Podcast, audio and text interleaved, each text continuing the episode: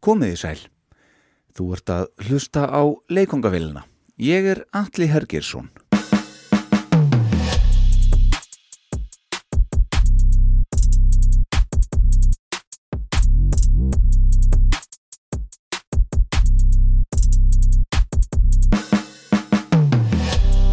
Jónsmessu þáttaröðin heldur áfram, enda hefur hlustun verið framúskarandi góð.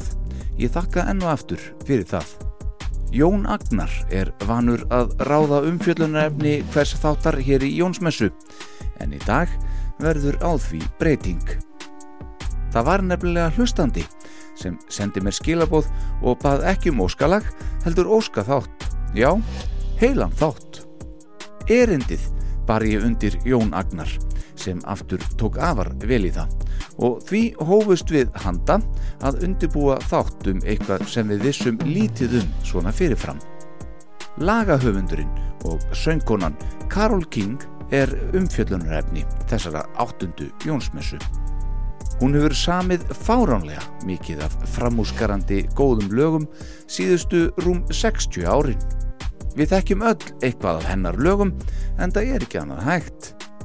Ferill Karol King er engar glæsulegur og í raun er erfitt að taka utanum hann svona í einum beta. En við Jón ætlum að tipla saman í gegnum þetta í dag. Þetta er fyrsti óskaþáttur af leikvangavillinni. Þátturinn er sem fyrr í bóði Böttvæsir Búdvar, hins tjekneska. Njótiði.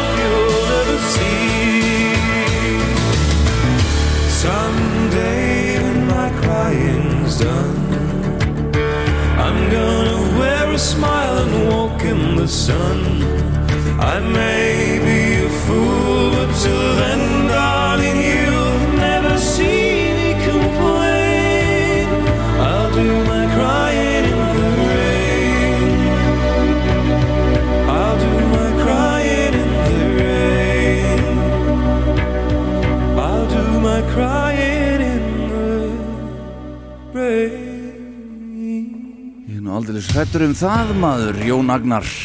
Ójá, Vertu velkominn. Hjartans þakki geskur. Við byrjum þetta bara á uh, stórkostlugu afrekki myndi ég að segja. Já, á, á bara mörgum levelum. Já. Þetta er vel samið lag á sínum tíma. Mm Það er sett í mjög flottan búning af frændum vorum normunum í AHA -hmm. Þetta er það sem við myndum kalla velhefnuð ábreyða og kölluðum velhefnuð ábreyðu í einna fyrri Jónsmessunum. Akkurat Og það var einmitt þar sem að uh, hugmyndina þessum þætti hér kviknaði. Þetta er, vil að kalla þetta bara svona óskaþátt. Það var hlustandi sem, sem baðum uh, þáttum Karol King. Akkurat sem ég fullir því að okkur hefði nú ekki hugkvæmst annars. Nei, ég er eiginlega sammála því. Ég held að það sé eiginlega alveg pottitt En, en þetta lag, uh, Crying in the Rain eftir Karol King mm það er nú til í verri útgáfum. Já, til dæmis með henni sjálfri. Já.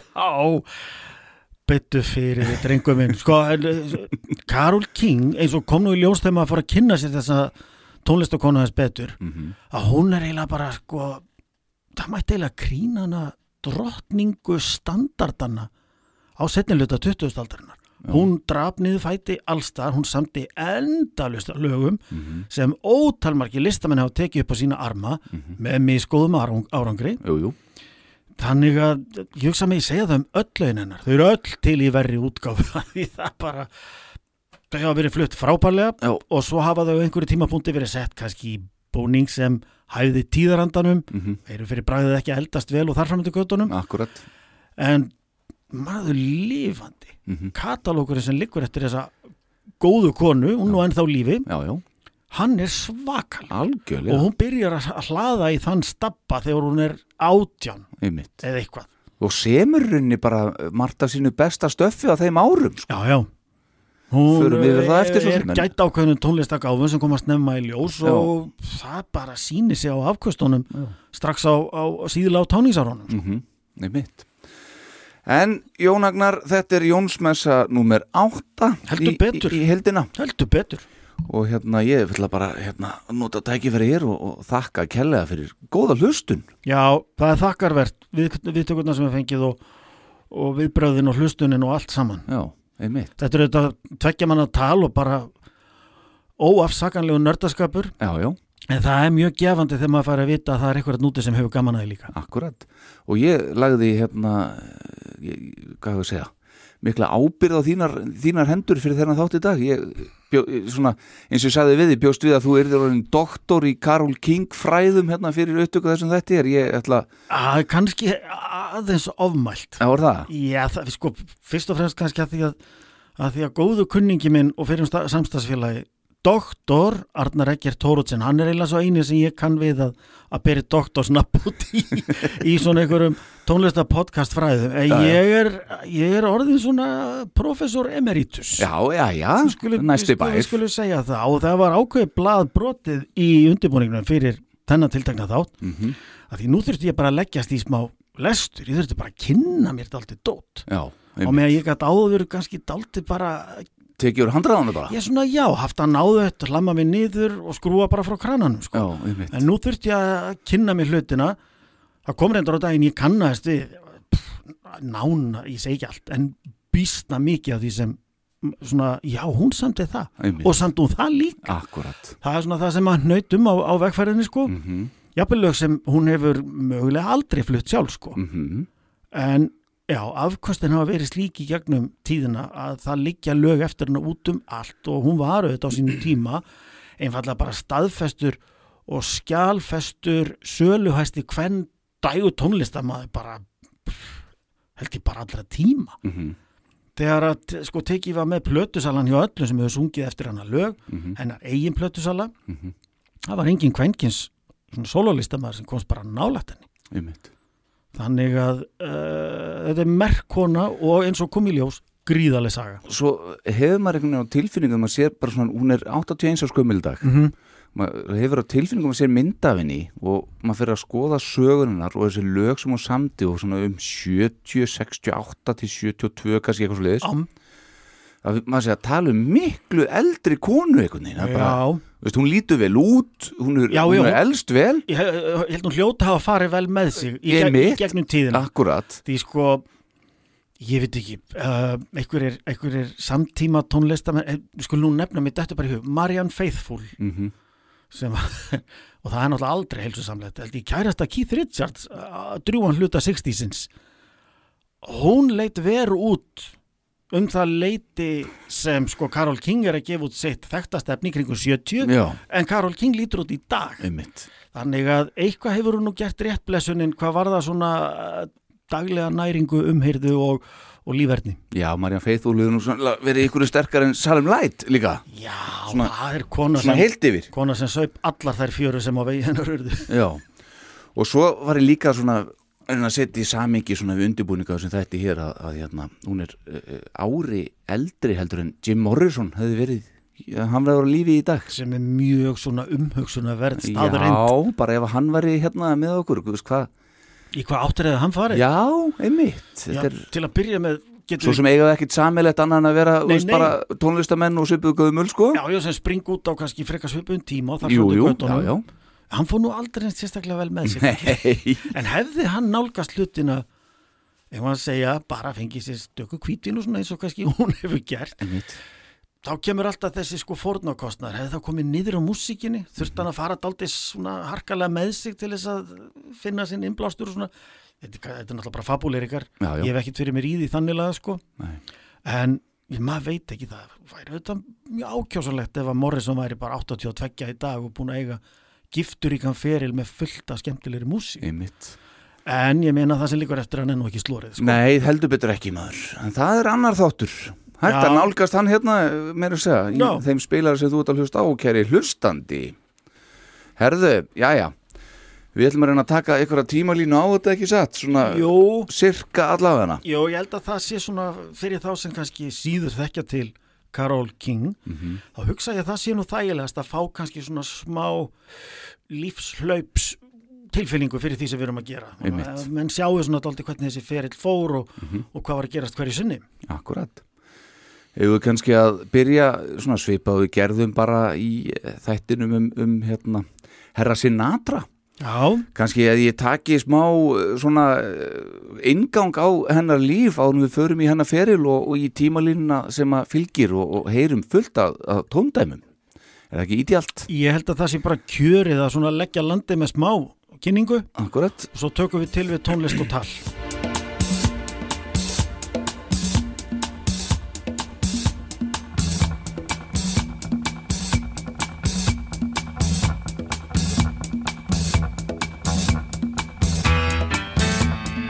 Þátturinn í þetta skiptið fjallar um einhvern áhrifamesta kvenkils lagahöfund allra tíma.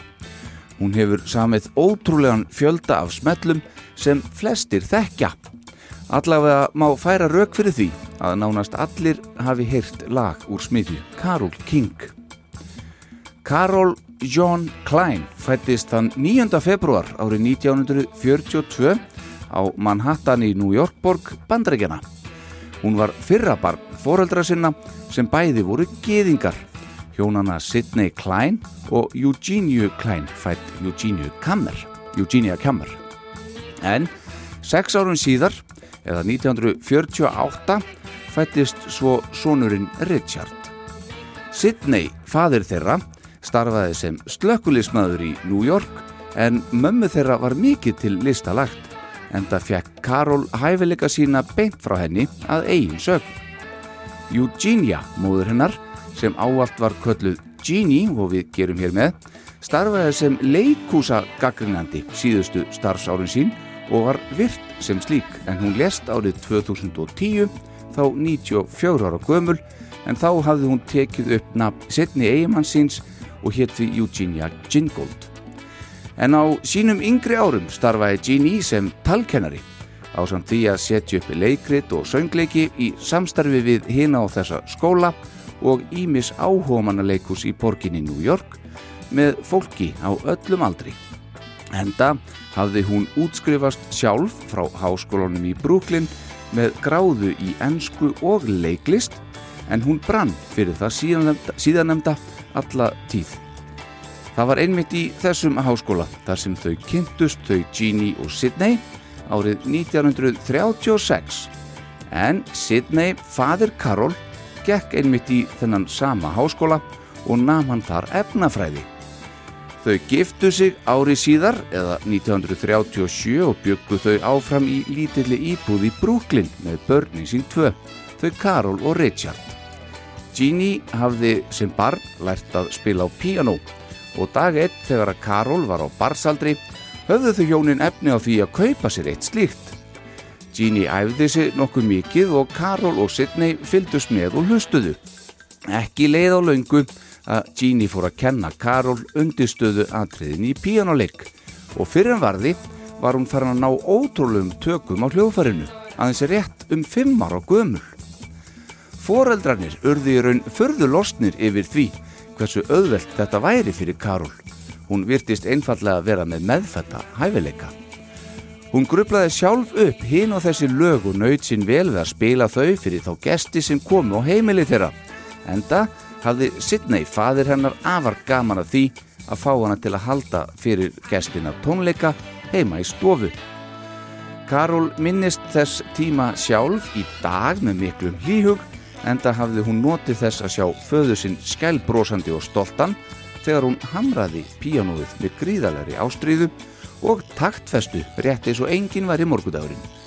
Þá hóf Jeannie að taka dóttu sína í reglulega píanótíma þar sem hún kendi henni rétta tækni og það að lesa nótur. Karol var það unga þegar hún hafði klifrað upp á píanastólinn var þykk símaskrá heimilisins notuð sem upphækkun undir afturhenda hennar.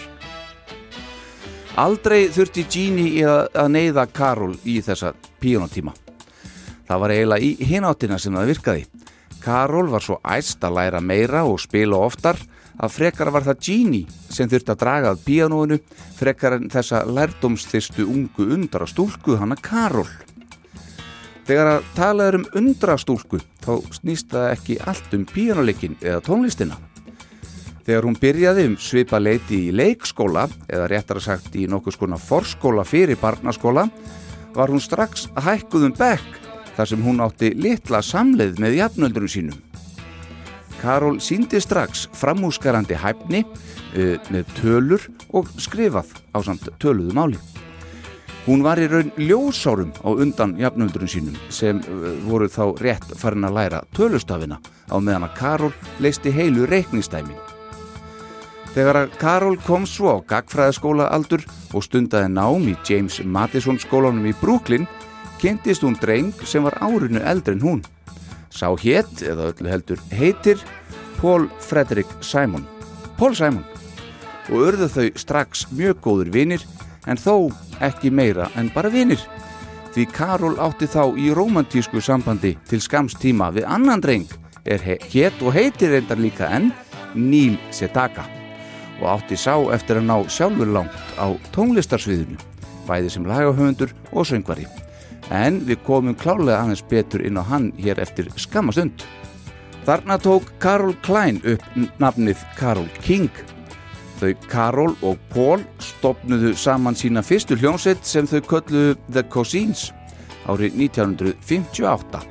Þá aðeins 16 og 17 ára gömul. Þau fóru í upptökuver og tóku upp ímis lög eftir þau tvö þar sem Paul Simon leik á gítar, bassa og söng og Karol leik auðvitað á píjónuið auk þess að syngja bakrættir og spila á trommurnar. Skömmu áður hafði Karol þó farið í upptökuverið án Paul Simon og tekið þar upp lægið The Right Girl sem gefið var, gefi var út af Paramount þetta sama ár 1958. Upptökustjórin þar var engin annar en Don Costa sem hafði mikið lag á því að finna ungar vonarstjörnur með hæfileika og koma þeim á framfari. Síðar átti hann eftir að vinna mikið sem upptökustjóri með Frank Sinatra og fleiri stórum nöfnum. Eftir skólagönguna í Madison skólunum lág leiðin í framhaldsskólan í Queens þar sem hún hitti fyrir unga mann annarni Jerry Goffin sem var þremur ári eldri en hún. Þeim var reyndar afar vel til vina og hófa semja lög saman. Ekki leið og laungu þar til Karol var ólétt af sinni fyrstu dóttur, Louise. Þau Karol og Jerry giftu sér síðar um haustir 1959 og hættu bæði í skóla og tóku sér dagvinnu þar sem Karol vann fyrir sér sem rítari á daginn og samdi lög með eigimannin sínum heima á kvöldin. Lög sem meðal annars mörg okkar þekkja afar vel hér í dag. Þegar hér er komið sögum satt eh, eftir fyrrum kærasti Karol í sárum sínum af eftirsjá og ástarsorg eftir að hafa verið sagt upp af henni fyrir þetta ár 1959. Þar komuður nefnilega aftur á honum Níls Edaka sem við myndumst lítilega á hér rétt á hann.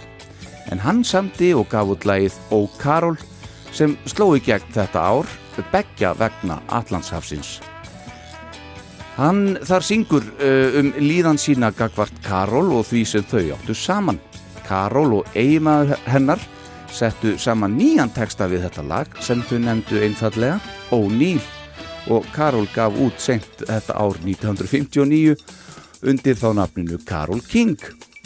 Skóndin, snúningur og ágetis humor hér á ferð uh, þó svo að hennar útgáfa lagsins hefði ekki náðins mikilli aðtigli og því uh, ekki náð að toppa listana eins og lægið um hana sjálfa og Karol.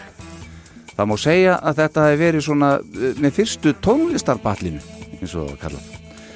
Þess má hér til gaman sketa að eftir áratug uh, eða áratug eftir að Karol King sendi frá sér lægi sem við heyrðum hér í uppæðu þáttar Kræðingin var reyn þá er flutningur reyndar norsku töffarann í AHA sendi Níl Sedaka í mitt frá sér plötuna Laughter in the Rain sem innihjalt samnefnt lag og má skilja þetta sem skot á okkar konu og einnig er gaman að segja frá því að sá sem skráður er meðhöfundur Níl Sedaka í læginu Ó Karol er maður að nafni Howard Greenfield. En hann var svo aftur skráður meðhöfundur í læginu Crying in the Rain ásamt henni Karol okkar. Og þá aftur að henni. Vinsældarlistarnir byður hreinlega eftir Karol King sem og í raun heimsbyðin öll án þess að nokkur vissi hvað ætti eftir að gerast á komandi árum og áratugum. Karol King hefur með sanni sett bæði fingra fyrir sín og fótspor, myndi ég segja, í söguna sem einn fremsti lagahöfundur allra tíma.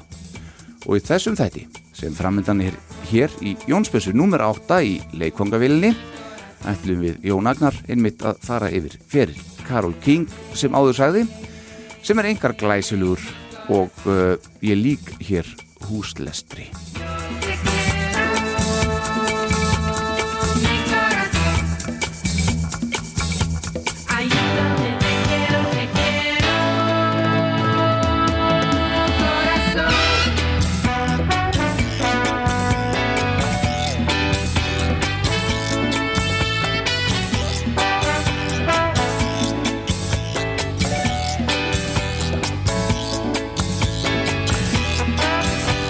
Er það ekki? Heldur betur. Heldur betur. Mér langar aðeins að, að áru lengar haldið Já. að, að heyra aðeins munin á þessum, þessum tveimur lögum sem ég myndist á. Já, veldi, veldi fundið. Er það ekki? Jú, Byrjum hérna á Ó Karol sem er reyndar auðvitað ekki eftir okkar konu heldur eftir Níl, hennar fyrirhandi kærasta. Já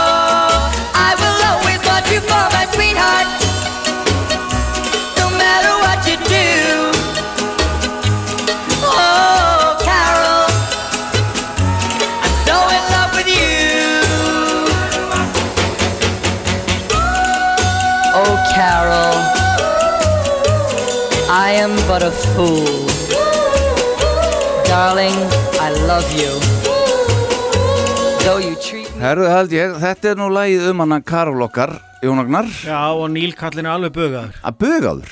Og hérna hann ætlaði bara að deyja eða maður myndi fara frá sér og veit ég hvað og hvað. Já, mikið drama. Já, heldur betur. En svo bara til þess að röppa þess aðeins inni sem að segja eru góður í íslensku þá eru þau hjónin, Jerry Goffin og, og Karol King Já, sem að henda þessum bolta tilbaka með að gefa út sama lag uh, á sama ár já, búinn að breyta textunum og uh, svara svolítið hérna þessum texta sem að sem að Níl kemur með í læginu til hennar Karol.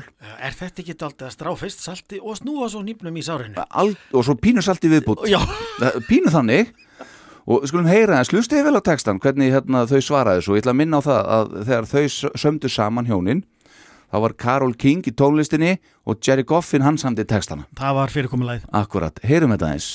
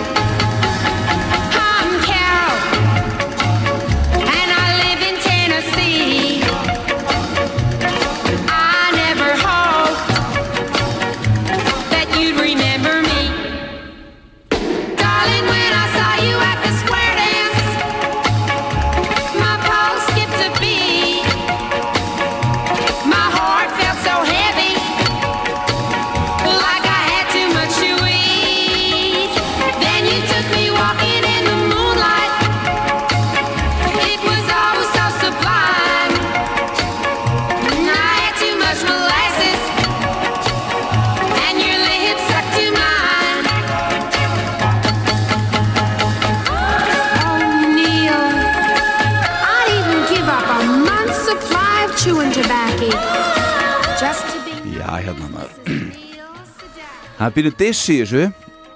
Já, ég, nú skal ég bara alveg stíga fram og ég held ég hef aldrei heyrt þessu útgáfi Nú er það ekki? Ég held ég hef aldrei heyrt þetta og þetta er fyrir sinn tíma. Finnst mér þetta nú bara óvenju býræfið diss. Já, Hann kallinn kemur hérna með gráðstafin í kverkonum miður sín yfir því að hafa þurft að sjá á bak eh, skóla svona ástinni sinni. Einmitt. Og hún hendir miskunnalist gaman á hann. Spurning hver, hversu mikið þátt Jerry átti í þessu Herra Goffin? Já. ég hugsa hann hafi nú átt, ég minna gleymu því ekki eins og þú sagðir á hann, Mhm. hann samti vennilega textana þannig að ég held að hánum ekki leiðist að að hlaða í þessar hæðinni byssur. Nei, nei, og, akkurat. Og svo seg, ég veit ekki, hún segist vera frá Tennessee. Já, já, hún einmitt. alltaf bara borin og bartfættur Brooklyn búi sko. Akkurat, já, já, já Levin Tennessee sagði hann Já, Já, ég veit ekki hvort hann hafði gert á þessum tíma, það getur verið sko Ég held ekki en Nei. Nei, ég heldur allavega ekki heldur. þetta var alveg bara ískalt háð sko Herðu, en á þessum tíma, við svo bara eh, 1959 þá, Já. þá bara við byrjum þar Hún er hvað, 17? Hún er 17, búin að gifta sig hún, var snef, hún hún var fljót til hún var mjög fljót að læra á hljóðfæri kemur í ljós að hún er með það sem heitir eh, nánast fullkomið tóneira. Það er að segja, ef að fóreldrar hennar spilu eina nót á, á píanólikabarinu þá gaf við vissun upp á hár. Já þetta er gísmál eða þetta er A-dúr eða hún vissi bara upp á hár. Var þannig laga með þetta kalla á einsku absolute pitch. Hún bara með fullkomið tóneira. Hún var fljót til með hljóðfærin hún var fljót að gifta sig og var hann tvekja barna móðir fyrir, eða bara um tvítugt. Og það kannski að ykkur leiti útskýrir, það þú veist að vera með tvær litla dætur á handleg þá ert ekki mikið að standi í einhverju eins og sagt er helvitis rokki bara heimavinnandi húsmóður þannig laga. Þannig að það sjálfsagt útskýrir nú ykkur leiti okkur hún leggur áherslu á það í upphafi fyririls að semja fyrir aðra. Og eins og reynslan síndi þá held ég að það hafi mjög fljótlega að fara að gefa alveg ágjalli aðra hönd því hún pundaði út slögur honum bara snemma, hún er átján ára þegar uh, stúlkna hljómsveitin, þetta var svona söng kvartett, svona girl band The Shirelles. Þær fá lag hjá henni sem heitir Will You Love Me Tomorrow? Mm og það sló svona líka ofbásla rækilega í gegn, það fyrir á toppin í bandaríkjanum, ekki á einhverjum jaðarlistum, bara Billboard 100 það bara toppar bandaríska listan einmitt, hún er átján ára þegar akkurat þetta heitir náttúrulega bara að byrja á toppnum. Þetta er sko, uh, hún og, og, og Jerry Goffin, þau eignast uh, þarna dæturnar Louise Goffin árið 1960 og svo Sherry Goffin árið 1962 en báðar hafa þær verið mitt í tónlist þó að Louise, þó svo fyrirnefnda og jáfnframt svo eldri hafi svona verið yðjusamari við það í gegnum tíðina. Á meðan að Sherry, svo yngri hafi verið meira svona í leiklist og þó sérstaklega sínum yngri árum en sko, svo er hann Jerry Goffin hennar, hennar maður -hmm. og meðhöfundur í, í megninu að þarna í- framan af. Einmitt. eignaðist uh, reynda svo dóttur fram hjá Karol uh, árið 1964 og það var sem sagt uh, þá leikkonuna Dawn Reeves sem ég þekki nú ekki mikið til en, en, en hérna Nei, fyrir litlu sögum að henni. Einmitt, en þau heldur þó áfram að vera saman hann og Karol í ykkur fjögur ár eftir þetta. Já, og sömdu svo nefnilega saman lagið Into Something Good fyrir söngkoruna Earl John McCree eða, eða Jeannie Reeves sem hún er kölluð, eh, skýrð. já, ok Hún var þá að hefja sólóferið sinn sem söngkona eftir að hafa verið meðlumur í The Cookies sem var svona bakræta söngkópur fyrir sjálfan Ray Charles. mm. Og það má segja að Jerry Goffin hafi hér gengið tölvöld lengra en bara kenninni textan við lagið Into Something Good og hérna uh, hann er bara barnað hana sko. Þarna, þegar þessi, þessi uh, stelpa kemur hann undir 1964 Kom hann þá titill lagsins í hug? Já, það er spurning, það geti við En uh, það er svo sagt að hérna, Brian Wilson er meitt úr Beach Boys það hefur verið innblástur þegar hjóna þegar þetta lag var samið, svona Karol King allar, hún sagði það sjálf. Það kemur maður nú ekki í opna skjöldu Akkurat, lægi fór í 38. sæti á vísarlistunum í bandarækjónum með söngurunni Earl John en hún náði ekki að fylgja þeim vinseldum eftir og hætti svo afskiptum af söng og tónlist og ekki lengur síðar og sneri sér þar allt öðru þegar hún stopnaði einfallega dagheimili fyrir börn. Og lægið Into Something Good var svo ennstara það er þekktara og vinsalla með ennsku Manchester sveitinni Herman's Hermit svona stuttu síðar. Og svo útgáfa náðu á toppin í Breitlandi og allarleið á topp 10 í bandarækjunum og ég vissum að við um að heyra það hérna á eftir Anna kæmi mér stórkostla óvart. Akkurat, menn ákveða bara að koma inn, inn á hérna, þessa, þessa stúlku sem hann átti hérna, hérna framjó akkurat. En En, þú- það, það leikur, leikur alltaf ennþá í bara lindi þegar þau hérna mm, útvega The Shirelles mm þetta lag uh, Will You Love Me Tomorrow? -hmm. og þetta lag er merkilegt líka fyrir þær sakir að þetta er fyrsta lagið sem engöngu sem er flutt af engöngu er flutt, flutt af söngkóp sem engöngu skipaður svörtum konum. The Shirelles voru semst fjórar fjórar ungar hérna, skvísur af afrísk-amerískum uppruna. Mhm. og þetta er í fyrsta skipti sem það gerist að þess áttar flytjanda hópur komi lægi á toppin í bandaríkjónum það er svolítið merkilegt að velta því fyrir sér sko því að það þarf að taka tólti miða því hvað tíðarand er í bandaríkjónum þó ekki sér lengra síðan Mhm. árið 1960 við erum bara víða í bandaríkjónum en þá að tala um veitingastæði sem er skipt í sæti fyrir hvíta og litaða já, já, sundlaugar fyrir hvíta og litaða drikjar brunna og förnum vegi fyrir hvíta og litaða. Þannig að þetta er alveg verið uh, svona dálítið til áfangi myndi ég nú halda í hennu stóra samhengi. Svo mikið af lögurum en að Karol King sem henda samt mm, Já, svörtu fólki að syngja. Alveg klálega, klálega og sko, ég las það þegar ég var að kynna mér þetta dálítið betur að það voru sumar útastöðvar sem neituðu að eh, spila þetta lag en gáfu þá ástæðu að þeim þætti of svona kynferðislega þrungin undirtótn í laginu. Ég fæ það bara með ekki ég fæ það eh, bara ekki fyrir meitt litla líf til að ganga upp. Þannig að mig gruna nú að einhverju forpókaðir sunnanmenn í bandaríkjánum hafa bara einfallega ekki, bara ekki geta kynnt í að þetta milja undir svartan söngkóp sem væri að toppa vinsaldalistana það þyrfti nú að halda þessu fólki í böndum og gæta þess að þau fara nú ekki að vilja of mikið upp á dekk. Ég fann ekkert sem sko staðfest þetta en ég gæti sem best trúa því að það hafi nú freka verið að stoppa menni að spila þetta lag. Það breytti því ekki að það fór á toppin og var svona kannski fyrsti risasmellurinn sem uh, Karol King og Jerry Goffin hristu fram úr erminni og var mikilsvísir í framhaldinu. Heldur betur Bye.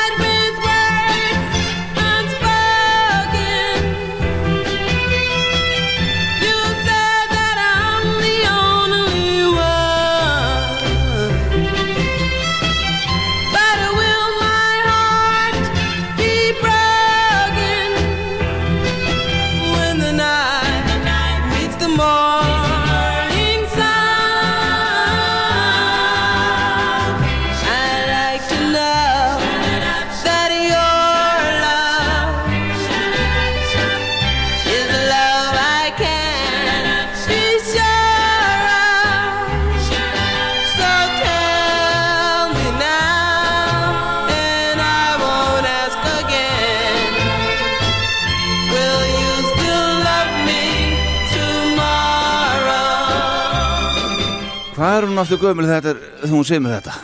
Ætli, sko, þetta, þetta kemur út þegar hún er vallorðin átján þannig að hún hafi verið 17 og hálsa eitthvað sko Þú veist, ég var aðeins að velta þessu lagi fyrir mér Já. og mín fyrsta hugsun er "Vá, kræst hvað þetta er nú langt frá því sem ég hlusta á frá til dags Mhm. en ef maður aðeins bara reynir að tíma vela sér tilbaka um 60 pluss ár og svona reynir aðeins að setja sér inn í tíðarandan Mhm. merkilegt nokk, þá tókst mér að svona skilja sko, mikið ofbúðslega er þetta haganlega samin ung pop smellur þetta er bara ferlega vel gert þetta Já, er ekki músík sem ég hlusta á nei. er bara fyrstu til að já. en þetta er ekki, þetta er ekki illa samið lag Nei. þetta er bara daldi haganlega og vel samið lag hvað þá þegar þú ert rétt af bílprófsaldri með 17 hérna heima. ár síðan og komst í heiminn sko. er að segja það Já, já, og þú ert komið já. og heiminu kunna með þetta Mhm. og þau voru bara eiginlega komindaldi með báða fætur í gættina á bransanum þar með. Þau fylgdu þessu mjög Mhm. Þau hjónin þó? Þau hjónin sem sagt, þau fylgdu þessu eftir í kjálfarið með læginu Take Good Care of My Baby sem svona annur, önnur hálger barnastjarnar, allan ungstyrni Bobby V. gerði vinsælt, bara kom á toppin líka. Þannig að þau eru nú hjónakotni með býstna mikinn meðbyr svona í byrjun og uh, henni Karol okkar sko svona hvað er maður að segja, hún fær það mikið sjálfstrust að þessari velgengni á fyrstu metrunum að hún ákveður bara að spreita sig á að gefa út sjálf lag. Og það lag heitir It Might As Well Rain Until September. Og ég er bara alveg, þú veist svona þokkalegasta lag, þannig laga það er ekki alveg ofbóðslega ávanabindandi svona tyggjósmellur eins og hérna Will You Love Me Tomorrow en bara fínasta lag, það er samt náði ekki nema held í 20. og annarsæti sem er samt allt í læð þegar þú veist rétt tvítu eða eitthvað sko Já, þetta er 1962 Já, En og, sko, sko málið er að þetta lag fór samt sko alveg í þriðjasæti í Breitlandi sko. Það er nú málið. já ok Já, þannig hérna 20. annarsæti er rétt í, í bandarækjunum en allavega þriðjasæti í, í, hérna, í Breitlandi og það var henni, hennar besti persónlegi árangur allra tíma Já, þar í landi. akkurat sem söngkona. sem Eh, ennþá í dag. kjúli er það bara býstna, býstna velgert Einmitt. En það var hann upp úr 1960 þá var semst Karol og Jerry þau voru svona hluti á svona hyrðlaga höfundum fyrir Dimension Records einmitt sem var þá í eigu Don Kirshner Já, já. þau sömdu það bara lög ofan í aðra bara á færibandi, bara gegn greiðslum bara voðalega þægileg svona innivinna Heldur betur. og, og, og svo var það bara eh, samið onni listamenn sem voru á samningi á Dimension Records og svo aðrar útgáður eins og Atlantic uh, Records og fleiri Mhm. og svo er það með þetta, því ég skrifa þetta hjá mér kannski komaði hérna komaði frá mig líka, hann Bobby V Mm. Var sérst, þau sömdu þetta lag og, og, og hann tók þetta að sér en svo þegar að, að hérna, Don Kirstner, eigandi Dimension Records heyrði Karol svo syngja þetta lag þá heimtaði hann einmitt að, að hún myndi bara sjálf gefa það út Akkurat. þó svo að Bobby hafi nýlega gert það Það er nefnilega, eh, gaman að skulu nefna þetta. Já. Þetta er pínu gegnum gangandi stef í hennar ferli. Mhm. Lögin þykja einfallega það sko góður grunnur til hvurslags endurvinnslu að það er oft verið að bara gefa þetta út með kannski 12 mánu að millibili eitthvað á meðan nú orðið er bara ekki að leifis að verða 10 ára áður en, áður en einhver coverar það sko. Þannig er bara eitt árið er kannski þrýr einhverju listamenn, já við ætlum að taka þetta líka Já. og bara koma, og koma því bara kannski allir, jafnvel allir eða kannski tveir mánuður á milli bara eins og Þessu- komum að þetta síðar þettinum sko. þannig Nákvæmlega. að skipti engu máli Nei, fólk Nei. var, uh, þú veist, gó- góður hlutur var góður hlutur og, og menn voru ekkert að láta þetta tröfla sig sko. Nei, nei. En Karol sérst neitaði samt að fylgja þessu lægi eftir með tónleikafur vegna skildu sinnar heima fyrir sem móðir Já, ungra, tvekja að- ungra stúlkna. Emmitt, þannig að sko ég aðeins sá að sko lögin sem hún var að gefa út uh, í eiginnafni og bara Já. flytja sjálf í kjölfarið Mhm. voru nú ekki að gera jafn gott mót það var svona að hún fór aðeins meira flatt á því kannski, eins og þú ert að benda réttilega á hún er bara með lítil börn heima Já, já. Og var ekki tilbúin að henda þeim í ykkur að nei. Og Og, það er enginn að tala um að Jerry Goffin hafi skikkað hann til að vera heima börnunum Nei, eða ég- Þetta er bara ákvörðu sem hún tók sjálf. ég hef einmitt hverki síðan eitt um það Já. þannig að hún svona dregur aðeins tímabundi í land með sólaferilinn Mhm. gefur sig að uppaldinu en hefur þá þeimu meiri tíma fyrir áður nefnda þægilega innivinnu Já, að drita út smellum fyrir aðra akkurat. og sko eh, hún gerir mjög vel í því að skaffa eigum að segja svona ungum léttsveitum veist, af ýmsu tægi að sjá þeim fyrir músík. Uh, hún samti One Fine Day fyrir The Chiffons sem er frægt, frægt svona tyggjólag. Frægasta og eigum að- hvað- sko, frægasta lagið og það sem bestum árangurinn á, á hérna, vinsæðarlistum af öllu því sem hérna, svo tilbúna boybandsveit The Monkees. Sendi noktíðan frá sér. Lag sem heitir hérna, Pleasant Valley Sunday. Top, ei, ég held eina, ég held ég var í rétt með eina lag sem þeir komu á toppin í bandaríkjan það var eitt af þessum lögum. Og svo auðvitað hinn ofbóðslega, ofbóðslega vinsæðli smellur Hermans Hermits. Mm Into Something Good. Akkurat. það er náttúrulega eh, sko eitthvað skonar masterklassi í ofbóðslegum eirna ormi sem er sko svo grípandi Mm og fer ekkit úr höstnum að þér. Og þetta er svona, þetta er lægið sem eiginlega svona var byrjun á endanum á hjónabandi þegar Jerry Goffin að því að hann náttúrulega, þetta er samið þegar að hann e, batnar þarna söngkona sem þetta er samið fyrir á sín tíma. Einmitt. en Hörmann Hörmundsson takat upp á annar level sko. Já, já, þeir gerir þetta ríkalega vel. Já, og, og ég hef alveg viðkjönd það að ég einfallega bara held að þetta væri bara eitthvað Beach Boys dæmi, ég hef nú ekki djúft inn í Beach Boys þó svo ég alveg fíli stöfið. Já, já sko að fyrir hluta fyrir, þeirra fyrir Já, ég meina það, þetta er, bara, þetta er bara þar. Og þetta er bara lag eftir Karol King. Já, já Thank you.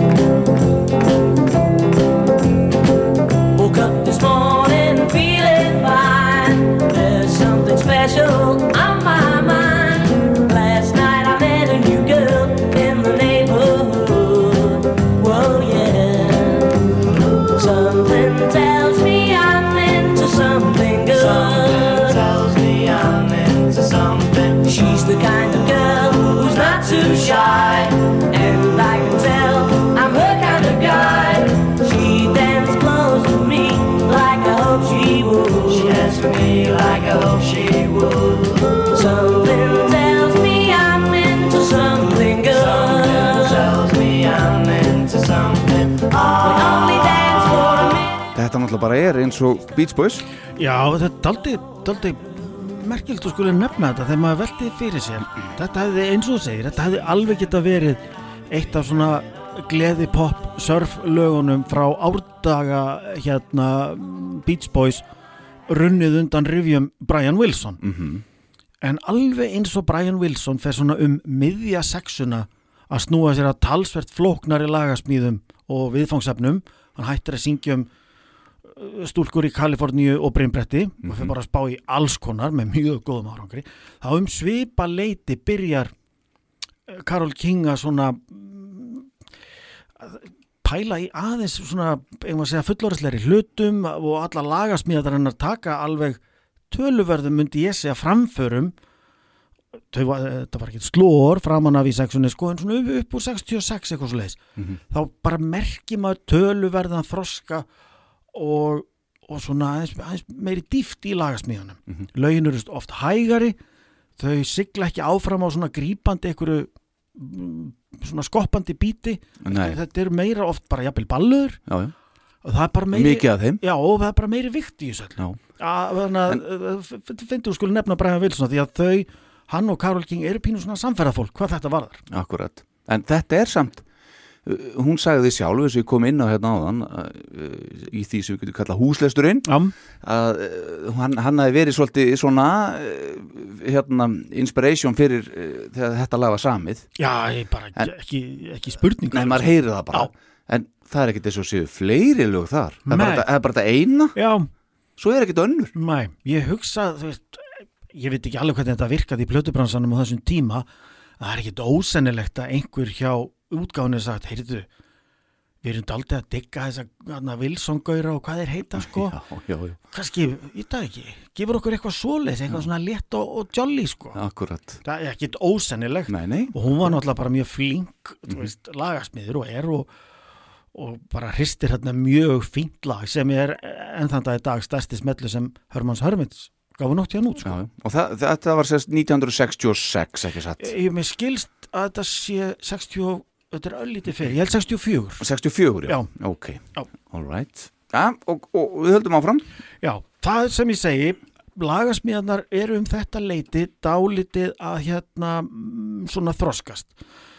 Hver veit nema það sé vegna þess að eins og oft er talað um listamenn verða þjást svo litið til þess að sko þroskast í list sinni og þannig eru segja, blikur á lofti í hjónabandi hennar og Jerry og það er kannski svo þjáning sem knýr hennar þroska sér listamæður hans áfram. Þannig að lögin sem hún fyrir að senda frá sér reyndar að langmastu litið fyrir aðra listamenn en þó eru öll svona daldi angurværari og, og hægari og það er aðeins eins og við sagðum það er meiri dýft í þessu. Og alveg skínandi dæmi um þetta er lag sem margir hafa flutt en einna best þykir mér útgáfan uh, með þeirri öndvegi söngkonu Dusty Springfield. Hún stendur nú á hápunti sinnar fræðar þarna reytir af sér smellina og hún gaf út reyndar ekki á stóri plötu heldur heitir bara smáskifulag A Going Back eftir Carol King. Og það má alveg svona geta sér til um að lægi sem fjallat aldrei um svona eftir sjá eftir eftir æskunni og, og, og fortíðinni svona nostalgíu slegin tótt aldrei í þessu lægi sko.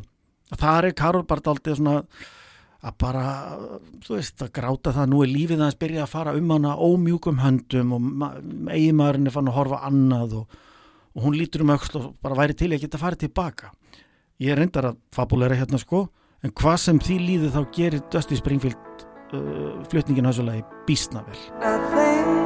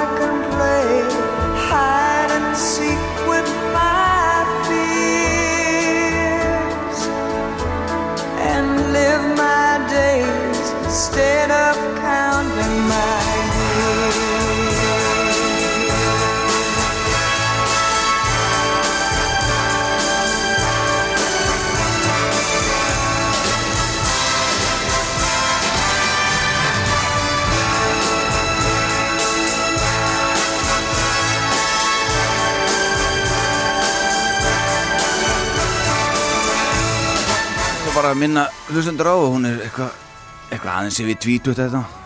Svo sem samtið þetta. Já, það er eiginlega alltaf jafn klikkað að minna sig á. Það já, hún var óvenju svona snemþroska tónlistamæður skulum við segja, skulum já, við segja. og þarna meiri sér sko, þarna er hún hvað 24, hún 24 líka, 23 fjara, hún semur þetta lag. Mhm. og þetta er fullorins lag með þetta er líka mjög svona fullorins útsetning með fullt af brassi og Já, já, eru big strengir. band pínu. já, það er big band á baka, baka til sko. og eins og við nefndum á hann hérna þarna er aðeins svona að fara að sýrt í álinn hvað var þar hjónabandið og, og svona smá, smá svona hjónabandsblús farin að en getur ekki verið að Jerry að sami texta þá bara við þetta jú, ég, þú segir bara já, þau voru reyndar sko og löngu eftir þau skildu þá unnuðu saman við já, já. við, við hérna lagasmíðar Mhm. heyrðu, ein, við þurfum að taka tvö skrið tilbaka, mögnu saga þegar þau eru ennþá sem sé sko, hún nánast heimavinnandi en bregðu sér stundum að bæ til þess að vantalega stjórna einhverjum útsettingu eða bara músíserast eitthvað sko að eh, hérna þá eru þau með unga og upprennandi og vongóða tónlistakonu sem barnapíu kom til þeir og leit eftir stelpunum tveimur. Það var ungkona nafni Eva Narcissus Boyd eða kallaði þessi Little Eva hún var svona hipp og kúlt aldrei gjalla veist, og einhverju sinni þá takaði eftir því undir einhverju tónlist að hún dansar aldrei funky dans svona bara ein einhvern veginn í stofu heima þeim. Og bara þetta er stórkostlegu dans. Hvað kallar hann? Ég kalla hann Locomotion. Heyrðu bara lístur hérna innblæsturinnum í Karol og, og, og hérna Jerry tekur við til við að semja texta úr þessu verður annar enneitt risasmellurinn Locomotion með Little Eve Everybody's doing a brand new dance now.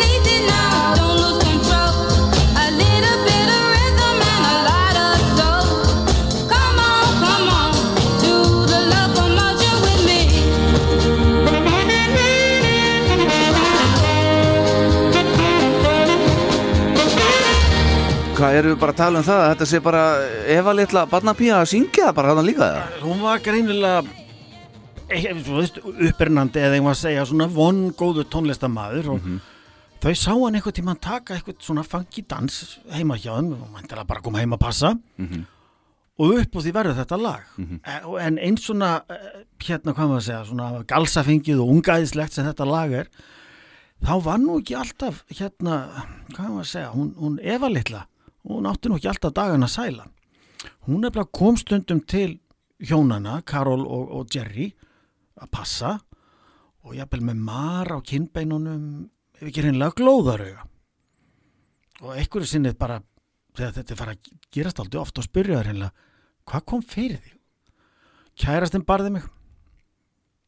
Og þau náttúrulega bara hvá og hvað?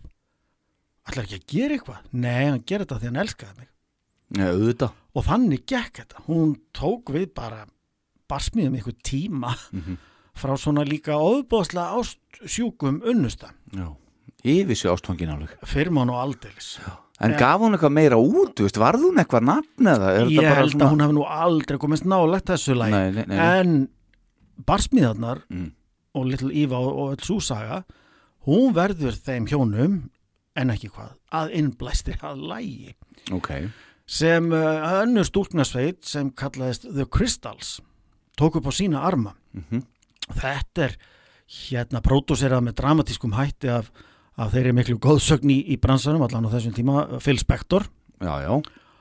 og þetta heitir sem sé sko bara, ég held hreinlega þetta sé tilvetnun í í sko svar eitthvað tíman frá Little Eva þegar það var spurt bara hvað kom fyrir því já hann sló mig en mér leiði eins og hann var að kissa mig lagið heitir því mjög róðalega nafni He Hit Me innan svega It Felt Like a Kiss He hit me, and it felt like a kiss.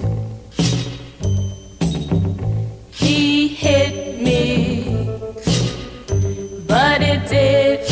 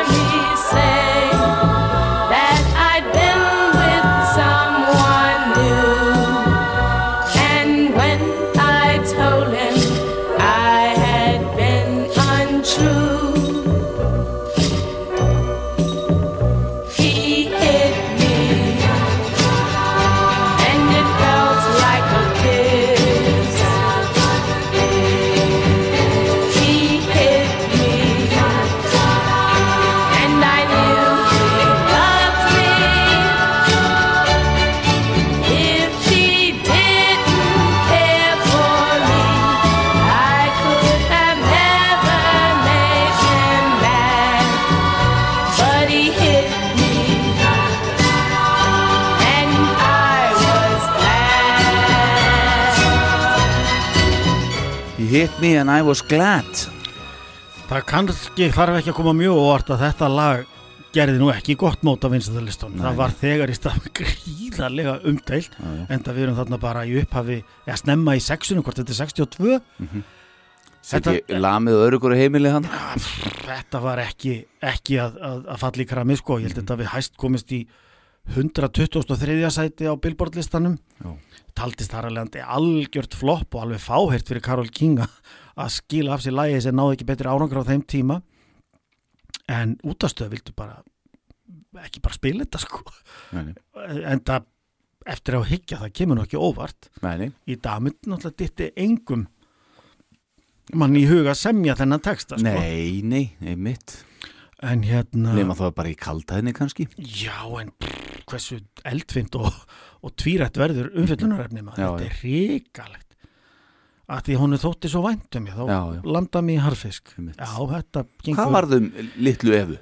Eh, hún hvarf nú sviðsljósinu átti svona snem nei hvað var það, svona stutt comeback eitthvað tíman minni mig í áttunni eða níunni veist ég manna ekki, svo lést hún úr úr einhverjum yðrakrabba fyrir mm, alveg mörgum ára 30 árum síðan eitthvað svo leið sko þannig að dálítið mikið af þessum ofbáslega grípandi lögum sem, að, sem Karol King samti fyrir svona þessar mm, ungsveitir og yngri flytjendur snemmi í sexunni reyndust verða svona einsmellungar fyrir flytjendurna. Mhm.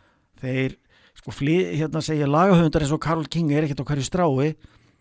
Þá er náttúrulega ekki hlaupið að því endilega fylgi eftir góðum árangri sko. Akkurat. Ef að Karol King er ekki til þess að dæli hittur honum þá, þá getur verið snúið að, að halda sér á topnum einmitt, en það breytti því ekki að flesti sem fengu lag hjá Karol King gerðu mjög gott mót í framhaldinu. Fyrir bræði vildu allir fá lög hjá Karol King. Og allt frá þetta bara sko bítlarnir náttúrulega eru með lag eftir hann á sinni fyrstu plötu, James á, á hérna plötunni Please Please Me. Og þeir eru þú veit, mögulega þekktasta banda allra tíma. En svo voru önnubönd sem eru kannski með minna þekktum svona hljónstum úr sexunni. Og þar dettu mig kannski helst í hug uh, hljónstum með skemmtilega nafni The Electric Prunes mm. rafmögnuðu sveskjurnar. Eins og gefur að skilja er þetta svona psychedelisk sírurokk sveit sem náði aldrei neinu teljandi vinsaldum mjög margir einstaklingar það er eitthvað örgulega þriðja tug að hafa komið við og farið úr þessu bandi. Þetta er svona nánast eins og einhvers konar farandapparat það sem menn svona taka kepli eins og í bóðhlaup í smá stund og svo skilja það af sér. Ég kíkti svona aðeins yfir yfir listan sem taldi þá sem hafa verið í þessu bandi. Ég kannast við eitt nafn. Það var Footloose skástrík Top Gun rockarinn Kenny Loggins. Já, hann var í rammögnuðu sveskjónum en á einhverjum setni tímum held ég að hljóta að vera sko. En ekki þarna. ekki þarna, þeir gátt plötuna Underground sem við við andi nafn fyrir svona súra jú, jú, árið 1967 og þar er að finna lag eftir Karol Okkar King það heitir því romantíska nafni I Happen to Love You All my pride has been confiscated. I overestimated my ability to hold out.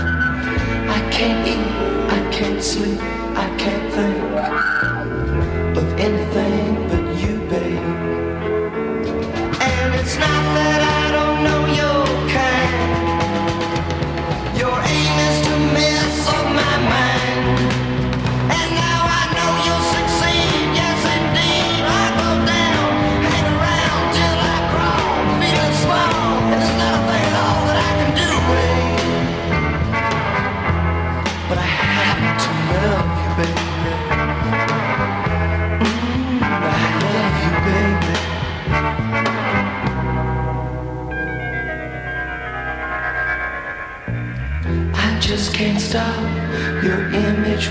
þetta er alveg flott. Svolítið sérkjörnett mixið á sig ég, Já, þetta er alveg gallsúrt sko. Lægið prentast vel sko. Þetta var hérna, allan ég með á þetta og, svona snerildrómanir í vinstra eiranu Já. og gítarinn í hægra. Eflaust einhverju taktar bara.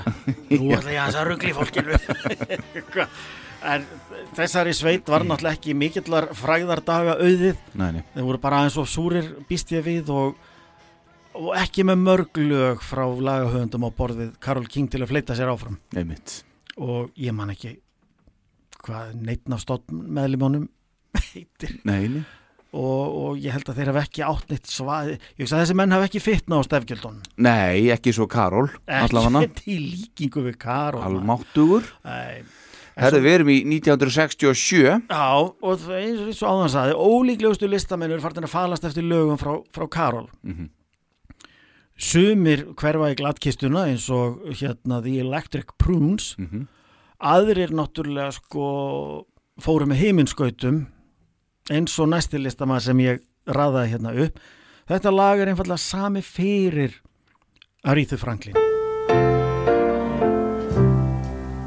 Looking out on the morning rain. I used to feel so uninspired. And when I knew I had to face another day, Lord, it made me feel so tired. Before the day I met you, life was so unkind. And you're the key to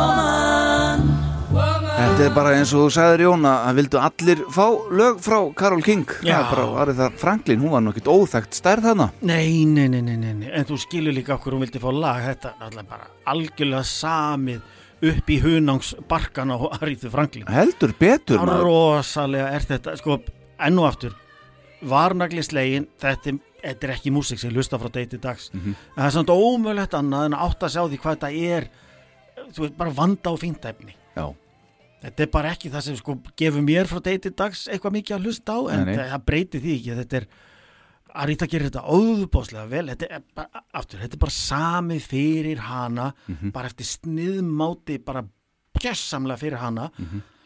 frábært lag og bara gamla sóldífan bara neglir því heim sko. já Karol King er vel svolítið flinki í þessu sóldæmi sko.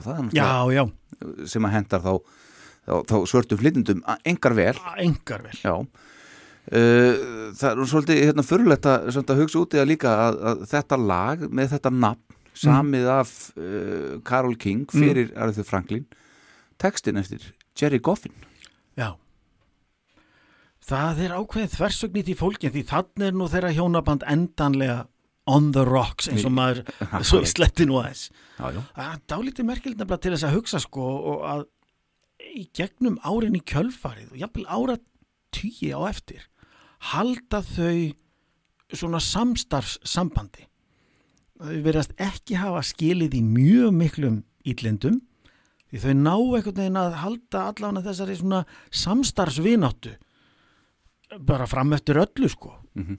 og kannski var þeim bara betur svona fallið að vera samstarfsfélagar heldur en hérna hjón. Mm hvað veit maður? já. Að, því að sko hvergi sá maður að Jerry Goffin hafi verið eitthvað vondur við hana, það er reyndar Nei. ekkit sérstakt að eiga með annari konu á sama tíma, ég er reyndar við ekki um það. það er þetta ákveðin óþverraskapur Já, en, en ég er að tala um svona eitthvað svona uh, illur í, Nei. he daglu heimilislífi. Nei, nei, hún átti eftir að upplega það reyndar síðar hún Karol King, óhætt að segja það. Já, en ekki þarna. Nei, og hérna, en þetta lag You Make Me Feel Like a Natural Woman uh, það sem sagt uh, slói gegn, Mhm. náði í áttundasætið á bandariska Billboard listanum en alveg upp í annarsætið á bandariska R&B hip-hop listanum sem er svona listi svona búið þrengja eins hlustandahópinurunni og ég reynda bara ótölda ekki náði í fyrsta seti einfallega, E- ég hefði þetta flettaði upp bara hvað var í fyrsta seti fyrir ekki það lítur rakin punktur. snild. Ah, eitthvað tímalust Já, ég sé það. því að þetta lag er það Já. eftir Karol í flutningu Aríðu mm alveg svakalegt lag. En þetta 1968 uh, Karol King uh, skilur við Jerry Goffin og hún flytur til LA á samt dætrum sínum tveimur og þar stopnar hún tríóið The City. Alveg rétt. Á samt þeim, uh, þeim Danny Kortsmar gítalegara og Charles Lorky bassaleikara sem reyndar síðar og skömmu síðar reyndar átt eftir að verða e- næsti eiginmaður Karol King heldur betur Sjálf leik hún á píanó í þessu tríói ásandi að syngja. E, tríói sendi frá sér eina plötu, plötuna Now That's Everything Been Said. Þetta sama ár, 1968. mm og það fer nú ekki miklum fræðasögum Nei. af þeirri útgáfu Mhm. En hún held áfram að, að uh, punda át lögunum fyrir aðra sem gerði það gott. Og þegar hér er komið sögu fer að örla aftur á því sem svona hafði kittlað hana mm, svona kannski snemma í sexunni að láta að sér kveða sem sko sólólistamaður. Í stað þess að vera einfaldlega bara að elda rétti fyrir aðra sko að hún svona aðeins tæki sér nú til og, og kanna hvort ekki væri tilefni til þess að hreinlega bara gera þetta sjálf já, já, og maður heyri sko á lögunum sem hún hefur sungið á hérna, árunum upp úr 70 og á eftir að rödd, sko sönguröddin hennar hefur alveg snar þroskast frá því að hún er að spreita sig hérna til að mynda með O'Neill já, já. þú veist það sem hún náttúrulega bara táningur sko Mhm. en þótt hún hafið alltaf sjálf sko, ég las það eftir að hún aldrei meiri með mikið þannig að ég má segja sjálfströst sem sko söngkona. Nei, hún fannst hún fyrst og fremst vera sko tónskáld. Og meira meira tónskáld heldur en flytjandi og enn sko enn síður sá hún sig sem söngkonu. En þannig er sko áratugur mm. síðan hún var, sagt, hún átti lag, ekki gleyma því, í þriðja sæti í Bretlandi. já já, Það er hún búin að ná áratugur, svakalegum ára heldur, hún er bara kottnung. kottnung Þess vegna sagði ég henni í byrjun þáttarins, það er eins og við sem að tala um einhverja resaðalu sem er löngu látin. En þetta er bara kona sem er 81 ás, sem er alveg flottur aldur, veist, ekkit, en hún lítur bara svo vel út og mann finnst svo ótrúlegt að þetta sé einhvern veginn hún. Virkilega, virkilega Mhm. og hún var svona búin að halda sér til hlés skaffa öðrum listamönnum hérna músík. Og þegar að svona sjöan er að gangi í garð þá, þá upplifir hún hún sig tilbúna til þess að svona taka þetta skref aftur. Og röddin hennar eins og ég var að segja er búin að taka talsverðum stakkarskiptum miklu rúnari og bara mm, svona þroskari og flottari. Hún er með svona finnst mér og minni mig stundum á segja ef Barbara Streisand ætti yngri systur með aðeins svona kvellari og bjartari rödd eitthvað neginn ekki alveg sama flaugjelsmíktin og, og Barbara Streisand var þekkt fyrir en það er einhver svona einhver ómur sem ég finnst aldrei, kemlingu þarna á milli. Og hann var bara eitt af svo- skiljanlega höfundar enginónu sem gerði hana að superstjörnu þegar hún fer í sólófið sko. Hún gefur út fyrstu sólóplötuna sína 1970 sem heitir kannski er það vísun í sko hvernig hún sá sig fyrst og fremst platan heitir Writer. Mm hún gerði bara svona þólanlega góða hluti hún sló ekki í gegn. En í þetta skipti sko í, Jerry Goffin, fyrirvændi eiginmarinnar, átti flesta textana, allan nema tvo. Aðna sérðu, þau eru tiltölu að ný skilin en Já. þau eru samt að vinna á fullu ennþá saman. Já, og það góða er í þetta skipti sko uh, lætur hún ekki hugfallast eins og hún gerði þetta aldrei fyrir í, í hérna sexunni þegar það, svona, það þú veist, datt ekki allt alveg fyrir hana, alveg upphafi að þá bara hendi hún í aðra plötu og, og þá var náttúrulega bara sagan skrifuð getur við sagt já, já.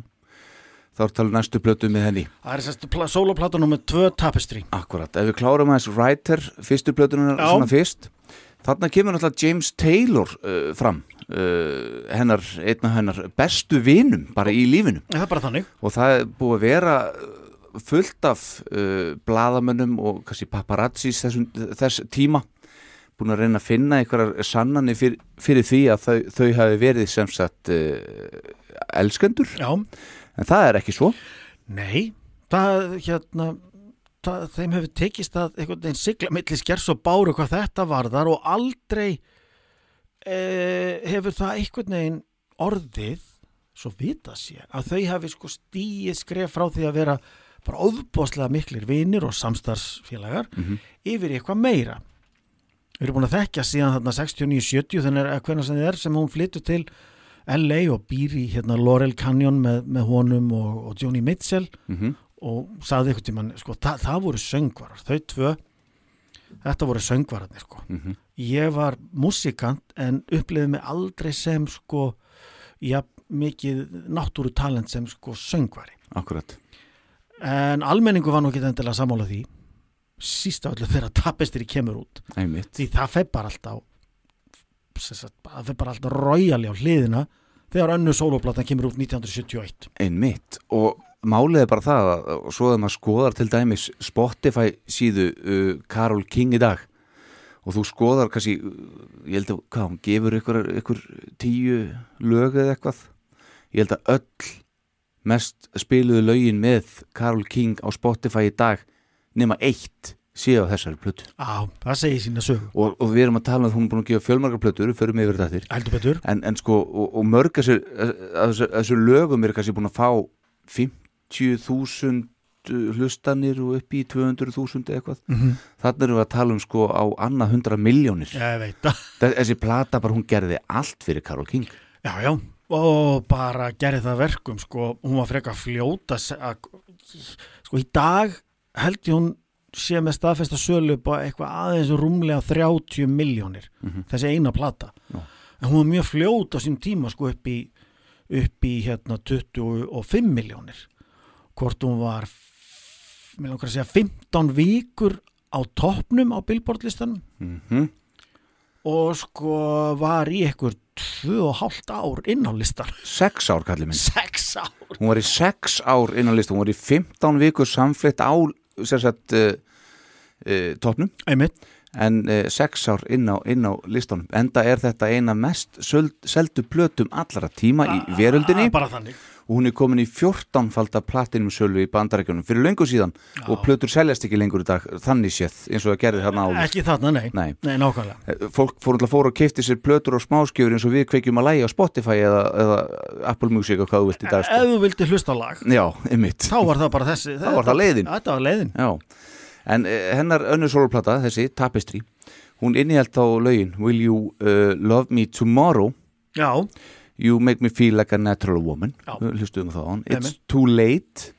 You got a friend. Mhm. og þetta er, þessi plata hún var tekin upp á sama tíma og þriðja soloplata uh, vinnarinnar, James Taylor. Mud, Slide, Slim and the Blue Horizon. Heldur betur. Og þau notuðu marga af sömu hljóðfæralegarunum á þessum tveim plötum. Þeir bara flökkuðu milli stúdíóa og, og, hérna, og spiluðu sömu gaura sem spiluðu uh, á þessum plötum að megninu til. Mm það koma báðar út mitt 71 akkurat og bara þarna eru við komin að því. Það eru tveir mánuður á milli. Og á þessum báðum plötum er lag sem að uh, Karol King semur. Já. You Got a Friend. Og þetta er, James Taylor var nú alveg svo Aretha Franklin ekki óþekkt stærð, aldeilis ekki. Ekki. En þetta lag samt klíndunum bara gjörsamlega bara, hann, var- hann varð bara legend þegar að þetta lag kemur út. ég bara hík ekki við að fullir þetta er hans frægasta lag. Akkurat. Og uh, hann nefnilega var alveg ástokkin að þessu lagi þegar hann heyrði þetta og vildi bara baðum, grátbaðum það og fá að hafa þetta á sinni plö- plötu líka, þurfti hann að grátbyðja reyndar, bara baðum og fekk það. já, En báðar útgáfunar nutu mikill að vinsalda eh, en James Taylor útgáfan fór í- alla leið upp í fyrsta sætið á Billboard listanum fræga Mhm. og það er hans besti árungur enn þann dag í dag, kallir minn. já, Og Karol King, hún fekk Grammy-velunin fyrir það lag og það voru ekki einu Grammy-velun hennar því hún hlaut þau líka þetta sama ár 1972, semst fyrir 71 og þá fyrir plötu ársins og sem besta söngkonan. Og þar með var Karol King orðin fyrsta konan til að vinna Grammy-velunin fyrir plötu ársins og fyrsta konan til að vinna Grammy-velunin fyrir lag ársins. mhm, Platan fór í uh, hennar, fór á topp 10 í flestum löndum heimsins, mhm. enda líka ótrúlega vel seldplata og var hann á toppnum í bandarækjunum sem áður sagði í 15 vikur og á listanum í 6 ár, 6 ár. Og þarna uh, er bassaleikarin uh, Charles Larky að spila. Hún er hann að ný giftunum.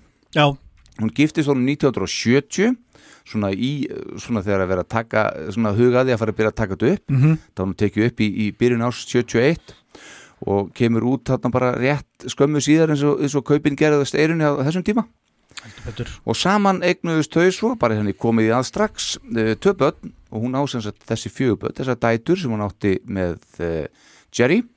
Og svo þessi börn uh, með Charles Larky bassalegara.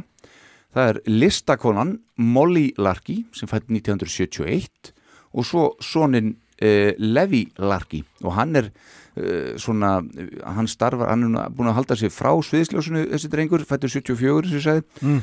Hann vinnur við svona, svona boom operator í bíómyndum og svona alls konar í já, já, já. einhverjum leikmyndum og eitthvað svona í bara Hollywood þetta er maður á baku tjöldin Akkurat, en Molly Larky hún er að búa til bara svona sköpturs og er svona listamæður að búa til stittur og annað hvað þetta heitir allt saman Mhm.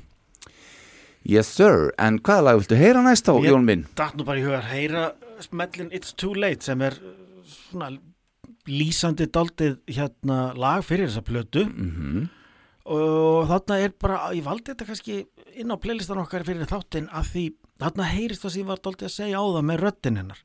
Hvað hún er búin að rúnast og slípast til en er samt með þennan svona skæra kvella tón einhvern veginn sem einhvern veginn sko smell passaði við þessa músík, allt við þessa plötu talar alveg löðbengt inn í tíðarandan hún er auðvitað berfætt í útvíðum gallabuxum, svona frekar afslöpuð á, á plötu umslæginu það kisa Brjálæðislega kúl sko Ég er að segja það sko, þetta rammar inn 1971 og það kefti þetta allir.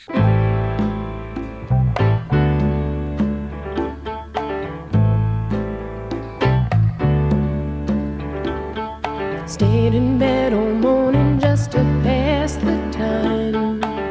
There's something wrong here, there can be no denying. Us is changing, or maybe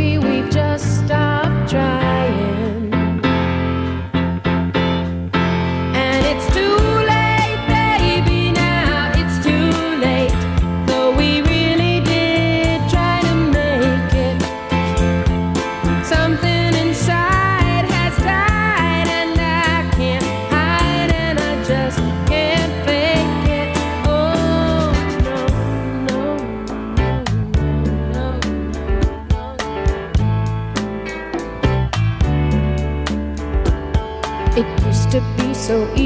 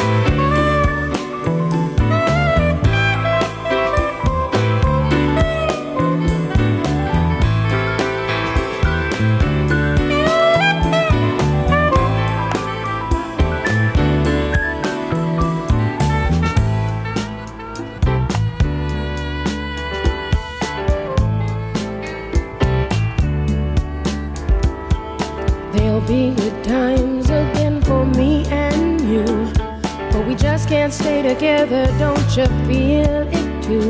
Still, I'm glad for what we had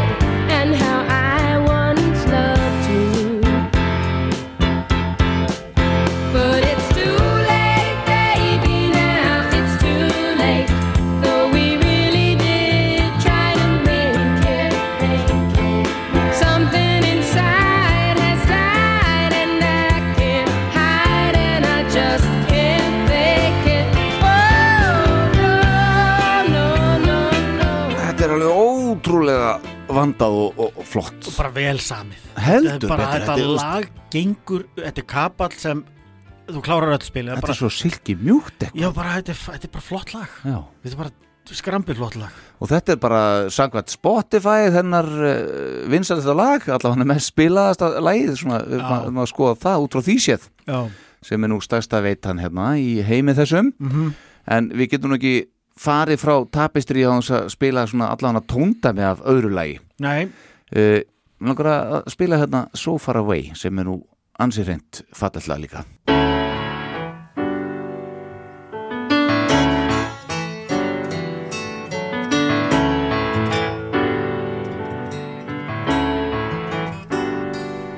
So far away, doesn't anybody stay in one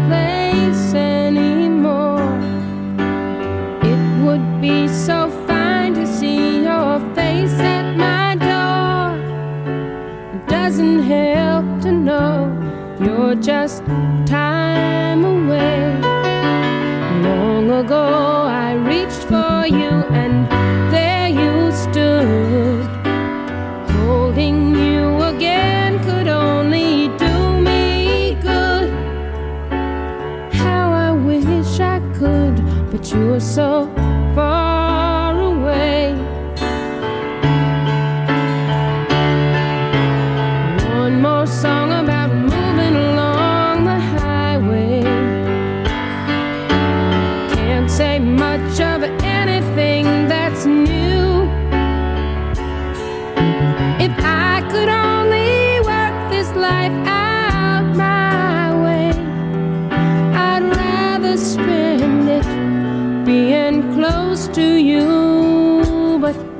so far away. Doesn't anybody stay in one place anymore? It would be so fine to see your face at my door. Doesn't Það er bara þeir sem að hafa ekki kynnt sér uh, sérstaklega þessa plötu bara neitt voðalega mikið því ég bara mæli með að eftir þennan þátt er að, að fólk fari bara lóðbeint í það þetta er svo óbáslega vandað allt og það er eiginlega öll lögin á þessar plötu eru bara svona vel samin. Ég veit ekki hvað að þetta er ekki fyrsta platan það er ekki svona átt svona mikið í sarpinu sem hún varð að koma frá sér einhvern veginn. Nei. súplata var komin, já, já, svo kemur þessi já, bara ári síðar. Já, og hún bara sittur heiminn á hliðina. Já, þá einhvern veginn gengur allt upp. já, Það er alveg magnað hvað, þetta er- þetta er daldið fýtt punktur hjá þau sko, að það er ekki, nú loksins ætla ég í sólóið og með allar hyslur fullar af lögum sem, sem hún vinsar, svona fleitir rjóman af, gefur út plötu og hún er geggjuð. Já. Hún gefur út plötu sem bara er svona, já, þetta er bara fínt, já, já, ágætt. klappa baki flott hjá En þess svo kemur önnur plata sem bara holskeplar yfir allt sko. Og, og síðan þá hefur hún verið að leita að því mætti Já. segja Það er bara í rauninni kjarni málsins. já, Það er kjarni málsins. Og reyndar áungreinlega það mikið í handraðanum þarna að hún gefur út aðra plötu. sama ár Sama ár. Kemur út seint, eh, ég held bara henni í desember. Mhm. Og, og heitir Music. já, hún gaf út Writer og núna kemur Music tapistri á milli og það er bara mjög hátt skrifið plata líka með fullt af, af bara alveg ágætis músík, hún sko þegar þú gefur út aðra plötu sama ára og þú gefur tapestry já, já, þá er þetta veita miklu, miklu færri af þeirri plötu. Já, bara dálindi eins og svo við tökum nærtakt dæmi úr heimi bíómynduna frá því snemma í sjöunni. Árið 1974 þá sendi sá mikli stórleikstjóri Francis Ford Coppola frá sér Guðfæðurinn part 2 sem er bara algjört sko, það er bara gali snildaverk, þetta er bara almennt álitin einn besta bíómynd allra tíma. Og þess vegna vita miklu færra því að hann sendi frá sér aðra bíómynd 1974 sem er algjört mistarverk líka. Heitir The Conversation og með þeim ágæta stórleikara Gene Hackman í aðhluturki frábæð mynd fekk gullpálmann á kvimindáttinni kann og ég veit ekki hvað og hvað það vita miklu færra henni að því hún kemur út 74 sama ár og guðfærin nummer 2 til dæmis hef ég ekki hugmyndum þetta bara fyrir núna. Þarna sérðu en, ég var sem sagt 44 ára gammal þegar ég lærið það. Já, ég mæli með því að allir sem á annar borð hafa gaman að bíómyndum tala nú ekki um þeir eru hrifnir af 70s bíói að þeir verði nú út um hérna The Conversation frá 74 hann er Harrison Ford í sínu fyrsta hluturki já, og þetta er, já, við, já, ok. Þetta já, er mynd sem svona fellur smá út úr dúr inn í, svona ákveðin kema bandarískra bíómynda frá því snemma í sjöni eh, sem við getum kalla, þetta er svona flokkur við getum kalla þetta pólitísk paranoia. Þetta er svona hálfgjöru techno thriller þetta er sem sagt eh, um hleruna sérfræðing. já, kann, kann á alla græjur sko og græjurnar er náttúrulega indislega úreldar sko fyrir okkur að sjá og meðan hann er svona fyrt ykkur tökum eins og okkur sko. Alls konar mælar og... alveg því líka græjur. Og hann sem sé heyrir eitthvað sem hann á ekki að heyra þegar hann er að vinna eitthvað bara boring hlerunastarf þá heyrir hann glefs úr einhverju samtali sem verður það smá þráhyggji hjá honum. Hann reynir að finna út hver allar að drepa hvern og af hverju. Já. Að og Gene Hackman er sá sem að hérna, þetta er nú aftur langur út úr hjá Já, drjúur Min, min, eh, sko, hérna, eh, mín kynslu veit hvað Gene Hackman er að því að svo skömmu síðar á var hann í Superman. Já, hann var Lex Luthor í Superman. Akkúrat. heldur betur, en hann má mæla með þessari mynd. Hún er Já. virkilega skemmtilega og svona dæmi um það ef þú gerir eitthvað stórkostlegt og svo eitthvað annað rosa, rosa gott þá er ekkert víst að allir viti um það sem var rosa gott. Og platan Music sem kemur út í desember sama ár 71 er rosa fín en hefur náttúrulega aldrei náð þannig að sömu hæðum í meðvitund og hlustun og bautasteit Karol King Tapestry Akkurat. En þessi plata, hún tók, uh, það tók hann aðeins örfá að daga að komast í gullsölu uh, samt sem áður. Og gullsalaði bandarækjunum eru 500.000 eintök. Og uh, hún er auðvitað fyrir löngu komin í platinum sölu sem eru miljón eintök. Þó ekki 14 falda eða hvað þó meira eins og, eins og tapestri. Nei. en uh, hún enda á því að vera í 44 vikur á lista í bandaríkjunum þessi setni plata hennar þetta árið og þriðja soloplatan. Þrátt fyrir að hafa uh, aldrei, bara aldrei flói jafn hátt og, og tapestri gerði. Nei, en það, sko, er erfitt að fylgja ykkur svoleiðis eftir. Já, já. og hvað þá ef þú sko, setur það inn í sama ártalið? Það er alltaf að fara að gera hérna plötunni sem kemur í kjölfarið er alltaf erfitt fyrir. Akkurat. 1972 gengur í garð. 1972 gengur í garð, hún er búin að taka sér hérna eitthvað hluta fyrir hluta ársins væntalega aðeins svona kannski hvað hann segir, bara svona tími til þess að ná andanum, þú dælur úr tveimu breyðskifum en þetta var náttúrulega smá einskot aftur, aldrei, þetta er það sem bönd og tónlistamenn gerðu í sexunni og sjöunni.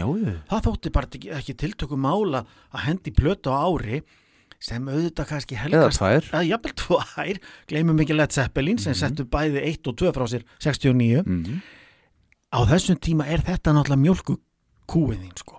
Þú selur plötur og gerir það gott. Akkurat þú stiður við plötusölu með því að gigga en plötusalan er saltið í grötin sko. þannig að þú, það er mjög ríkur efnahagslegur skulum við segja ávilningur af því að bunda út plötunum. Í dag þá heldur þú tónleika og vonast þess að selja ykkur að örfa á plötur í, í, hérna, í megastórinu á tónleikunum með sko. Á- já og stuttar maður bóli já, og bóli könnur. þannig hefur nú þessi bransi sko umbylst á bara síðustu 10, 15, 20 árum. Já, já. en 72 kemur samt hennar fjórða soloplata Já, Rhymes and Reasons er sko þarna loksins tekur hún það skref að ólíkt fyrstu þremmu plötunum þá er hún ekki með áður útkomið efni. Sko það er engin að finna að því að hún hafi verið með hérna Natural Woman og þú veist ég man ekki hvað þau heitir á þetta má þetta. Á þetta má þetta og gerir þetta líka bara opbáslega vel. En 72 kemur út Rhymes and Reasons og það er fyrsta platan sem er alfarið með nýju efni. Ok, engir standardar úr sexunni hér er bara búið að taka hjálpadekkin af hjólinu og nú stendur maður á alveg eigin fótum mm hún var fljóta að komast í guldsölu líka þessi plata Já, já. og fór á toppin viðsverum heiminn heldur betur, hún alltaf náði ekki alveg sömu hæðum í sölu og hinnar Nei, og þykir almennt ekki kannski alveg sama tímamótaverki og tapestry Nei. en ég þarf nú samt að koma smá stuttri söga já, Ég var fyrir svona kannski, hvað allir séu? Þrjú ár, tvö ár, þrjú ár, fjögur ár. Þá bregðum við hjónin okkur uh, af bæ og ætlum að taka svona hjónahelgi á hóteli hérna í, í uppsveitum Árnessíslunar. Nána til þetta ekki á því indæla hótel geysir. mm Og Það skal tekið fram að hér er ekki um kostaða umfjöllun að ræða. Nei. Ég á yngra hagsmun að gæta, ég fæ ekkert fyrir þetta, en sagan er bara svona. Mhm. Við fyrir á Hotel Geysi og, og hérna kunnum döl okkar vel, borðum þar í, á veitingastanum á hótelinu um kvöldið og ég tek eftir því að því að ég venjulega svona sperri eirun ef ég heyri músík sem ég er ekki að kveikja á fljótu bræði en er að kunna meta. Þannig að já, meðan ég hlusta bara, já, segð mér frá eitthvað sem kona mín er að segja, seilist ég í síman, kveikja á Soundhound og læta hann taka upp, ég, ég fá að vita hvaða lag þetta er. Það bara var lag sem ég fannst ég hafa kann, mér fannst ég kannast eitthvað svo mikið við það ég, ég pottið heyrti þetta áður eða þá þetta hefur verið samplað eða eitthvað svoleiðis en það er samt ekki. Mér er ekki tekist svona við allan að fyrstu sín að finna út úr því að þetta lag það er að bassalínan úr því fyrst og fremst það sem væntanlega þáverandi eigimaður Larry. fer með, hérna, fer með strengina fjóra. En þetta, þannig er hún svona aðeins farin að sko hún er svona farin að fikra sig hún Karol okkar frá Larki píanó fyrir ekki, ekki Larry? Já, Larki. Já, ok, áfram, já. Að hérna hún er að fikra sig frá sko píanó hérna svona söngvaskaldinu. Mhm. þú veist ef að Joan Baez og, og, og Dylan voru, Bob Dylan voru sko gítar svona söngvaskáld singer-songwriter þá var hún píanó söngvaskáld Einmitt. hún er aðeins að fikra frá, sig frá því það eru nokkuð lög á þessari plötu þar á meðal þetta lag sem ég hendi nú á listan Bitter with the Sweet það sem er svona örlítið fangaður þetta er náttúrulega sjö, hann er 72 svo það kemur ekki óvart. Að pínu svona vægur pop-funk tótni í þessu öllu og ég hef hent þessu á einhverja playlista svona með með músík frá þessum tíma. Ok. þetta er ekki hennar frægasta lag. Ég veit ekkert af hverju þetta hljómaði kunnulega þegar ég heyrði það. Finnst Það þetta, talaði til þín. Það gerði það einhvern veginn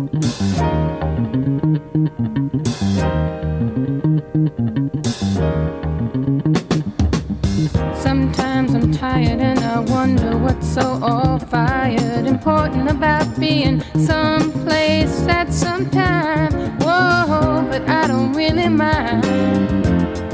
Cause I could be on easy street and I know that you got to take the bitter with the sweet. I guess it gets to everyone. You think you're not having any fun, wonder what you're doing, playing the games you play. Hey, well, it's true what they say. If you want to feel complete, don't you know that you got to take the bitter with the sweet?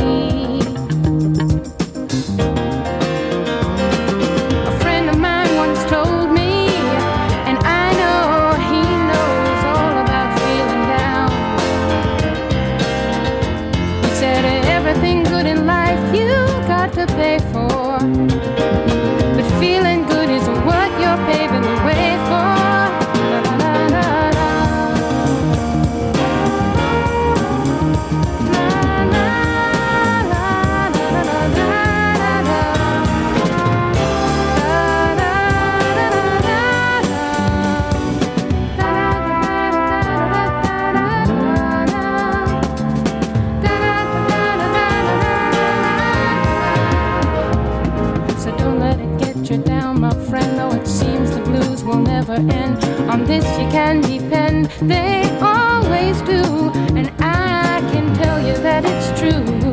It's a feeling that can't be beat. And you got to do it. You got to take the bitter with the sweet. You got to take the bitter with the sweet. You got to take, you got to take, you got to take the bitter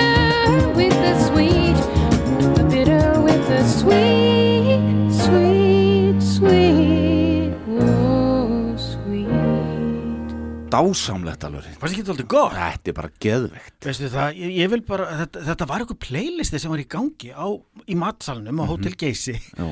og ég tók upp einhver tvö önnu lög og svo, já, ég þekki þetta, já, það. Býtu þetta er eitthvað. Svo, já, þetta er, þú veist mjög fýtt playlisti. Þannig að það má, sko, ég veit ekki hver sér um það eða hvort þið bara fundu eitthvað á Spotify og kerði það í gang.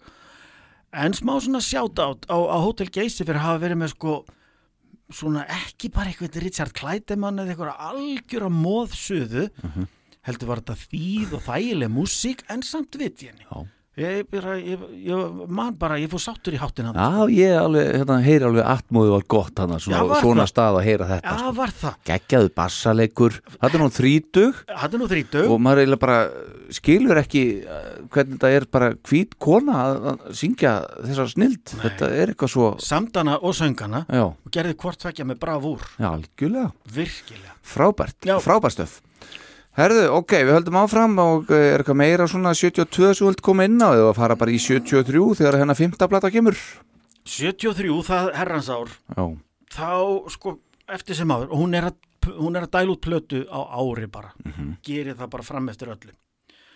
Uh, aftur nánast bara sjálfkrafa gullsala sko. Já, að fera allt í bara í gull sem hún gefur út því hún er bara það, hún er bara það stort nafn. Já, já, þetta bara tók enga stund að fara í gull alveg svo fyrir plöturunni sko. Nei, og selst nokkuð vel. Selst bara alveg ágætlega vel. Það næri ekki sömu hæðunum eins og gefur að skilja og selur ekki 25-30 miljón eintök af öllu svo gerir. Nei, nei, en mjög sómasamleg sala. Þó verður að segjast að sko þessi sem vorum að hlusta á þessi plata Rhymes and Reasons og uh, Fantasy sem kemur út 73 súrplata sem við tölum um. Já, það er sko er fá ekki alveg sama fulla húsið hjá, hjá hérna gaggrinnendum Nei, og, og plötunar er ekki að seljast alveg svakalega, þetta er bara mjög sómasamlega gert allt saman. Og þú veist, tekjurnar trilla inn og, og sko einhverjum kannski ditt í hug.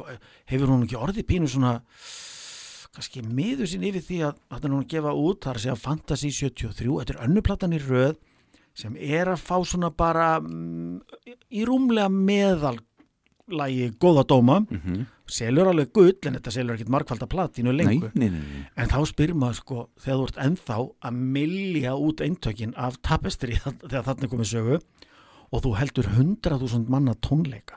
Akkurat, Hund- Frí, frýtt frýtt í Central Park. Mm þú veist, hefur yfir svo miklu að kvarta þú veist.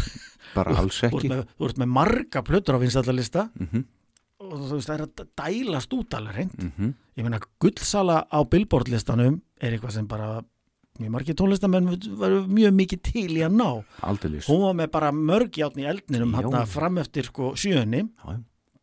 Og þar að lendi kannski ekki stórt áhyggjefni í stóra saminginu Nei, og það er líka svolítið fyndi með þessa plötu Fantasy Mm. sem kemur hann út 1973 og þessum tíma þegar hún spilar hérna 100 ásmannum tólingana í Central Park einmitt, uh, þegar þú talar við og ég, þetta sá ég á hinu viðfraga interneti þegar þú hérna eh, talar við svona alveg hardcore Karol King aðdáðanda Mm. þeir vilja meina að þessi plata sé sem sé hennar me- besta afurð. Já, fantasy. Og Já. þetta er svona, þá hugsa ég til þín vegna þess að, að hérna, ekki bara vissi það að ég verið að hitta því hérna í upptökum hér í dag heldur að svipaðu með við fórum yfir Sinatra. Já, þá er svona, veist, maður þekkti svona rjómana þessu öllu saman en þú varst að tala um eitthvað miklu eldra eitthvað, allt annað sem að Já. færri hlusta á, sannarlega. Það er sama þarna. Hinn Já. hin hardcore Karol King aðdóðandi situr fantasy uh, svona oftast í efsta sæti yfir herra þetta finnst mér áhugavert. Ja, þetta finnst mér, þetta er alveg rétt sko Sinatra seldi mest af My Way og Strangers in the Night og hérna New York, New York. Einst inni þoldan þessi lög. Ekki sko, hún, Mhm. hún er drefleitist þessi lög. Akkurat, og eftirlætið hans voru lögin úr fimmunni sem sko, ég mitt við harkjarnastuðnings aðdándunir eru, eru hrifnastir af sko. Já, já, sem seldi náttúrulega ekki jafn mikið. Þannig að þetta þykir mér alveg alveg ofbóðslega áhugavert að svo það er fantasi sem þeir hampa. Alg, algjörlega. Ok, og þegar hún kemur fram á þessu tónleikum hérna á, uh, í Central Park þá Mhm. er hún bara sennilega bara uh, ný orðin eða allan svona detti það að verða ólétt af sínu yngsta banni. Já, og sínum eina dreng. Sínum einadrein, það er hann hérna, hvað heit hann, Levi? Uh, já, var það ekki? Jú. já, minni það, akkurat akkurat, og það er hægt að finna ykkur upptökur af þessum tónleikum auðvitað í Central Park á YouTube og fleiri stöðum á netinu. Já, fyrir áhugasama. 1974, sjötta sólplatan. Ein plata á ári allavegna Wrap Around Joy. Já, hún fekk sama, svona, þetta er sama markinu brend, hún er daldi áfram að þróa sérilagi á Fantasy frá 73, að einhverju leiti áfram þarna, en hann pínu svona létt sól, funk, poppaða tón sem er byrjað að örla á, á Rhymes and Reasons 72 og það er við það sama, það er guldsala já, já. en svona mm, hvað maður að segja, dómarnir eru flestir svona í svona réttur ösku meðalagi já. Þetta er svona tvær og hálfti þrjára fimm stjörnu sem mér sýnist meðaltalið vera þegar ég flettis upp. Já, uh, það var uh, þó, eh, sko, eins og þú sagðir að ég held, uh, já, fljóta að fara í gull þessi plata. Uh, á þessar plötu er að finna lagið Jazzman. Já, og það fór reyndar alveg í annarsætið í já, og, og varð uh, þar að leiðandi vel vinsælt lag og, og hún Karol King, hún var aftur tilnæmt til Grammy-veluna Mhm. en þurft að uh, lúta fyrir henni Olivia Newton-John. Já, uh, eða að heyra örstutt eitt uh, brot af Jazzman af þessari plötu Wrap Around Joy. Lift me, won't you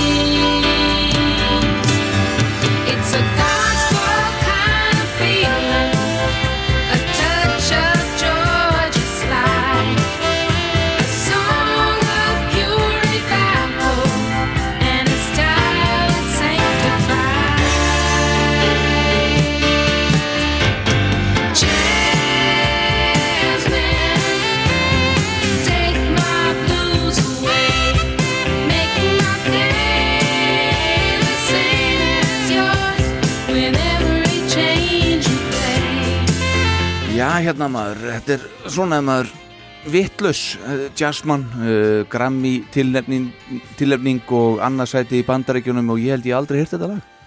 Nei, ég bara verið að taka undir það. Ég hef bara að taka undir það. Ha, það er kannski dónalegt, ég veit ekki, en svona er þetta bara. Svona er þetta bara. Já, já. Herðu, svo er það komið eh, nýtt move þarna eh, skömm- 75 Já, árið síðar. Já, þá tekur hún sér til og semur uh, tónlistina fyrir fræga teiknumind sem heitir Really Rosie eftir, eftir annan býstna frægan svona, maður að segja teiknara. Mannanafni Maurice Sendak sem er mjög, hann er býstna þekktu fyrir sem það sem að kalla myndskreitingar í hérna, ímsum bókum og slíkt. Og Einmitt. er komin teiknumynd um 75 75 og þarna svona kemur allt í einu smá innspýting aftur í hérna dómana. Þessi plata með lögum fyrir þessa hérna teiknumynd tónlistin úr teiknumyndir með lögum Karol King fær bara rífandi góða dóma. Teiknumyndir þykir skemmtileg það er í einu svona eh, ég var að segja smá svona kannski mm, í bland við gamanni fyrir börn er pínu svona undirleikjandi brottu sem fullóttir er að tengja við. Þannig að hann nendu alveg allir aldursópar einhvern veginn að horfa á þetta hún sló svona hálfpartin í gegn. Uppskrift sem virkar enn í dag. Byttu fyrir þér ef þú bútið gott barnaefni hafðu það þannig að mamma og pappi nenn að horfa nokkra falda. Já, já, þannig að eh, þetta var pínu svona allt í einu svona reis línuritið hvað sko allavega umsagnir og dóma var þeir Mhm. og það er til hellingur úr þessari mynd á YouTube þetta, þetta, er, svo, þetta er svo mikið 1975 Mm. Jésús minn. Einmitt. En hún er þarna bara með aða hlutverkið og, og, já, já, og talar fyrir þá Rósi. Og bara syngur fullt af dálítið svona gáskafullum og ég hugsa að hún hefði skemmt sér rosa vel við að semja, þetta. Þetta er bara fellega gaman og þau hefur lest kommentin við myndböndin með þessu inn á YouTube. Sko við Íslandingar erum ekki að tengja held ég við þetta að ráði. Ég man ekki eftir að séð þetta mikið þó ég kannist aðeins við þetta. En kommentin eru bara ég komin aftur til 75 oh my god Já, það- ok. sko. að þetta er greinlega sko á alveg rosalega mikil ítök í mörgum. Þetta er einhvern veginn fanga tíðarandan og þetta er einhvern veginn skemmtileg stemming og, og þetta, þetta fekk fína viðtökur og þá líka við um tónlistina hennar því allt í einu fekk hún bara fyrir þessa plötu sem kemur átta 75 svaka fínar umsagnir. Stjörnunar alveg týndust inn og það hefði mátt halda heyrðu, þetta er kannski bara upp á við aftur. Þetta er það sem þú þurfti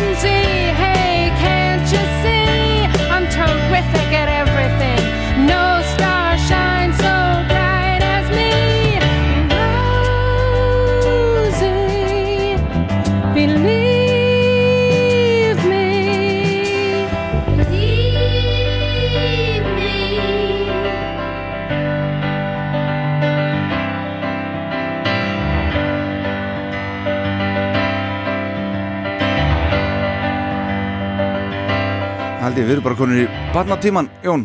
Já, og það bara fjall í kramið Já, á sínum tíma. Já, já, að hún fekk mikið hrós fyrir aðkomu sína að þessari teknumyndur Íli Rósi já Það var samt ekkert meir um þetta. Hún er svolítið mikið í þessu. Hún er bara að prófa eitthvað einu sinni og Já, eitt Beach Boys lag eitt Locomotion einn teiknimynd. Á, skilur þetta er algjörlega sem er mögulega, þú veist, eðli leitandi listamanns, það vil ekki hjakka í sama farin og allt það. Nei. En mörgum þóttu nú dáldi dett í gamla hjó, hjólfarið árið eftir 76 já, þá kannski byrjuð að því að, að það árið skilja þau Carol King og, og Charles Larky bassalegari. Já, uh, sama ár 76 uh, Louise, dóttir Carol og þá uh, Jerry Goffin mm hún gefur út sína fyrstu plötu Kid Blue heitir hún og þá var hún aðeins 16 ára gömul. Já, sko til svolítið að feta í fótspor móðu sinnar þar. Óhætt að segja það. Ég er ennþá tónlistakon í dag og, og að finna efni með henni sem að, að við látum býða í einhvern annan þátt jafnvel. Já, en eins og þú segir 76, hennar sjöunda soloplata kemur uh, út þetta ár. Já, og auðvitað fer hún í gull. Mm auðvitað fer hún í gull. En en, hún er samt að það verður dífa aftur í svona meðal stjörnugjöfin í bransanum. Já, já. og Þetta eru sannlega bara fyrsta platan frá henni sem að í mjög langan tíma allavega, ef langan tíma.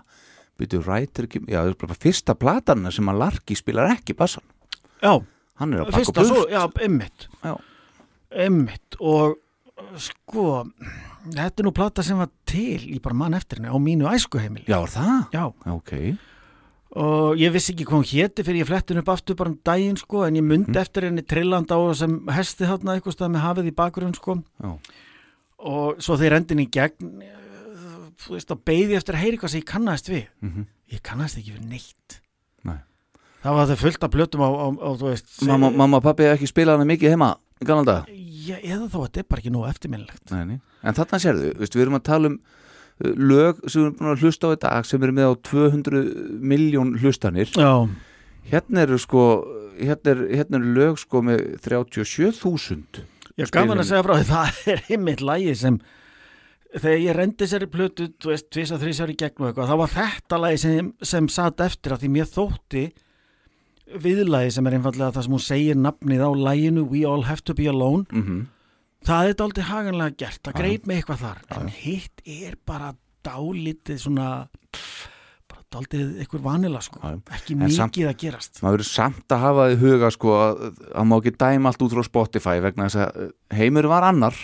Jú, og þetta eru kannski ekki lögin sem að fólk í dag er að sækja í en hefur kannski verið stærra uh, hérna áður fyrr þannig að hérna Já, svo er ég nú kannski ef að Spotify væri búið að vera til til Já, dæmis já. síðan 1976 þá væri þessi talaður þessi hún lít allt öðru út Já. og svo verður líka að taka það með í reikningina. Ég er nú ekki kannski áreðanlegasti áttavitin þegar kemur að því að benda á hvað er og hvað er ekki með Karol King. Nei, nei, en mér fannst þetta lag ekki það, ég, þú veist, það var ekki að hreyfa við einhverjum gömlum strengjum í hjartanu. Og ég man eftir þessu síðan í, ég myndi ekki eftir nein Mhm. ég man eftir fullt að dóti sem var spilað þegar ég var lítill sko, Já, já, heima, alveg bara bönns af stöffi. Ég man ekki eftir einu lægi af þessari plötu. Og þetta var svona, þú veist, ef einhver skikka mig til þess að, að, að hlusta endur tekið á lag af þessari plötu Thoroughbred sem vísa mentala til hestin sem hún situr á hotna hreinræktaður gæðingur. Jú, jú. Þá er það lagið We All Have To Be Alone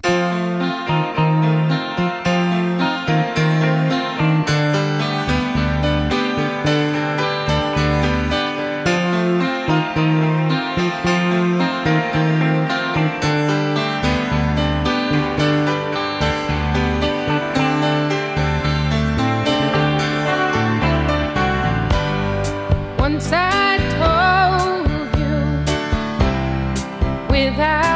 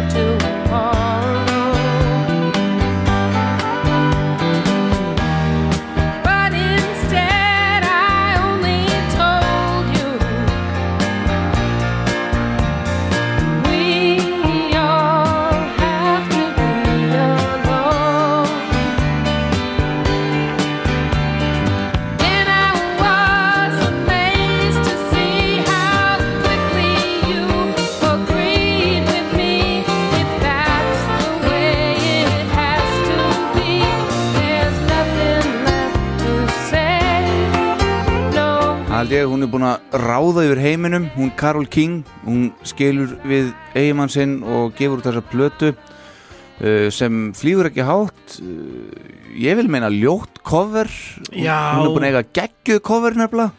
Sko, það, það er gaman að segja frá þessum tíu að því hún nefnir þetta Já, að eh, sko, ég, ef ég var að kenna grafíska hönnun sérstaklega undir fæið plötu albúma hönnun Mhm. Ég er ekki að segja þetta sé allt fullkomið en ég held að katalókurinn hennar Karol King frá Ræter á 1970 og bara þá getur hún gefur út sína síðustu svona eiginlegu þú veist, þannig að sóluplötu með nýju efni. Hún er rosa mikið að endurspegla að reyna allavega tíðanatan á hverjum tíma. Þú getur óbóðslega mikið staðsett já, hér er hún að vinna með böllandi early 70s já, já. hér er þetta alveg rakið late 70s Einmitt. hér er hún komin í 80sið hérna er þetta það eru óbóðslega sterk Tapestri er pínu hippin hérna. þetta já, já. grínast, bara gjössamlega sko bara stillin líka á hérna Fantasy frá 73 og plötu sem við erum að koma inn á sko núna er alltaf ofbóðslega mm, í sko grafísku hönnuninni í stílnum og letrinu og, og bara myndvinnslunni svo vakalega mikil tíðarandi alltaf í öllu Akkurat. sem gæti að einhver viti spilað inn í að sumt eldist betur en annað veist. en ég er eiginlega sammálar þetta er pff, þetta er eiginlega þetta er, hvorki fuglin fiskur Nei, þetta er einhver hestur hestur og sjór. já, ég veit, ég veit ekki alveg og platan eftir því svona freka bara Já, líka þegar sko, bara, nú, nú, maður þarf að miða allt við tapestri. Það er, bara, það er hennar, eins og sagði, hún setti, hún setti stikuna svona hátt sjálf. sjálf og þá það bara, meina, það er bara hennar millusteit Tökum bara hárið á henni á þessari plötu og svo framan á þeirri skífu, skilur, þetta er bara, veist, Já, hún, bara- hún er svo geggju á þeirri plötu já, nefnilega. bara hárið ba- eins og, og segja nú í frægu íslensku dægulegi mikið lítur vel út baby, frábært hár Frábært hár. sami einmitt. með bara sko plötun hérna frá 72 Rhymes and Reasons Mhm. það sem sko coverið er bara sára einfaldur prófíl af henni með hvítan bakgrunn Já, en þetta hár, já. Og bara, hún, grínast hún, með hún, hárið. hún er sko gullfallega, þetta er sko. bara sjampó auðlýsingar hár sko, Já, það er svakaleg en þarna er svona aftur sko eftir, eftir hafa svona Hann líður að eitísun hafa. já, og úf það, það er nú við nú á sitt hvað eftir að gerast áður en að það gerist því þarna sko einmitt, eftir að hafa fengið smá búst aftur og, og svona uh, brúnin liftist af fólki með hérna Really Rosie. En þarna svona, já, er þetta það sem þú ert að gera? Mhm. uh, hún skilur náttúrulega við Charles Larky. Já, en hafi henni þótt vera komin einhver svona uppstitta í, í það samband. Mhm já, bói og bói, þá fór hún fyrst að sirta í álinn núna sko, því að hún fór úr öskunni í eldin Árið síðar, eftir þessi plata kemur út 1977, þá giftist hún lagahöfundunum uh, sem hann fann að semja með Rick Evers Það er nú daldil ofrösna kallan lagaða textahöfund Mm. eða hann var bara eitthvað dæmdu krimmi Mhm. sem hafi reynt fyrir sér í peningafalsi en verið böstar og settið inni fyrir það Mhm. mér sýnst þetta nú hafa verið hálgerður ódráttur í alla staði Já, hvað var hann að gera þarna? Ég skil það ekki, þetta er eitthvað svona Ekki, ekki vantaði hann eitthvað öryggi og eitthvað, hún er með þetta allt. Ég veit það. Og hann þvert á móti Mhm. var ekki með neitt nema mögulega hann var hávaksinn hann var svona eins og eins og hérna myndarlegi hérna gaurinn úr Allman Brothers band sem var samt vita hæfileikalaus og hann fekk ekki að vera með. Já, hann já. var hávaksinn með svona hunangs hérna ljóst sítt hár skipt í miðju. Þessi Rick. Þessi Rick Evers, Já, já. alveg vel axla sítt hár sko, svona strágult yfirvara skegg, svolítið svona þessi, svona Allman Brothers band típan. Ok. Nema hann kunni ekkit fyrir sér músík en og lifði bara á henni. Já, hann, hann var nú eitthvað að semja með henni, samt? Kanski texta bara. sko. Já, og hann var nú aðalega að lifa á hann og láta hann að hérna borga eitulifa notkun sinna og svo hefði nú kannski einhver rauð flögg átt að fara í, á loft þegar hann segir Heyrðu Karol, nú vil ég bara við förum aftur til náttúrunar við flytjum heim á mínar hérna heimaslóður í Idaho algjört útnóra ríki í bandaríkjunum. Við flytjum þangað bara upp í fjöll og verðum ekki með síma og verðum ekki með það var að því hann var, að, hann var í raun að sko einangran, hann var að loka hann af. Já, já. En þetta fór nú þannig að uh, þau voru saman í eitt ár. Hún giftist honum. Og þau voru saman hann til 1978 uh, Skömmu eftir að þau skildu þarna eftir þetta stormasama eina ár sem þau voru saman og fluttu til Idaho þá lést Evers úr kokain overdósi mjög skömmu, eða einhverjum vikum eftir bara Já, hún var farin með einhverju, einhverju anna- einn af þessum þreymur dætur sínum hún, bara, hún var ný laus frá honum og fer í frí með dóttur sína til Hawaii.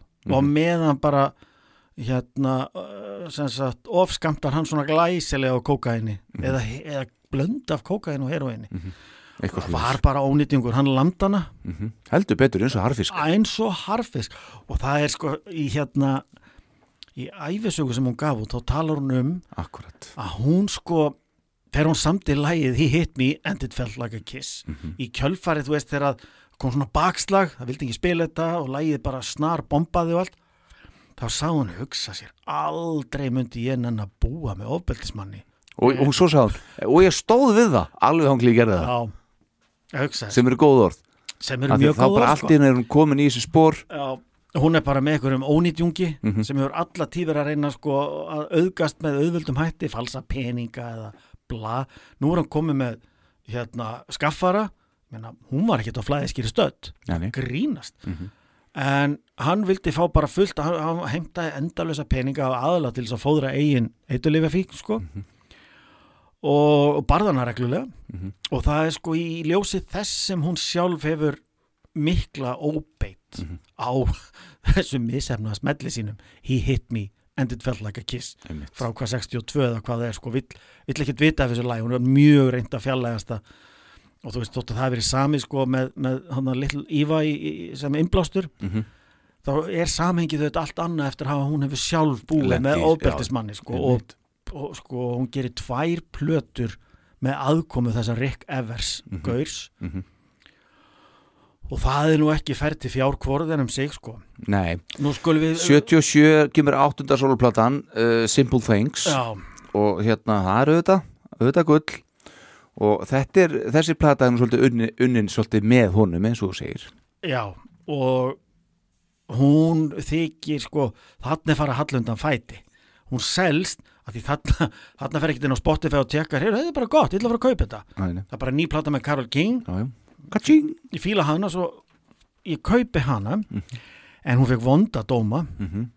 og sko Rolling Stone sem magasín á ég við, tímariti sem hefur þú veist valið hana eina þú veist, bestu söngunum allra tíma. Og Tapestry er bara einn besta plata allra tíma. Og þetta lag og hitlæð og hitlæð rata reglulega þeir taka saman með ykkur millibili 500 bestu Já, lög allra tíma. Já, já. Rolling Stone eru tímariti eru almennt mjög hrifnir af Karol King. Mhm.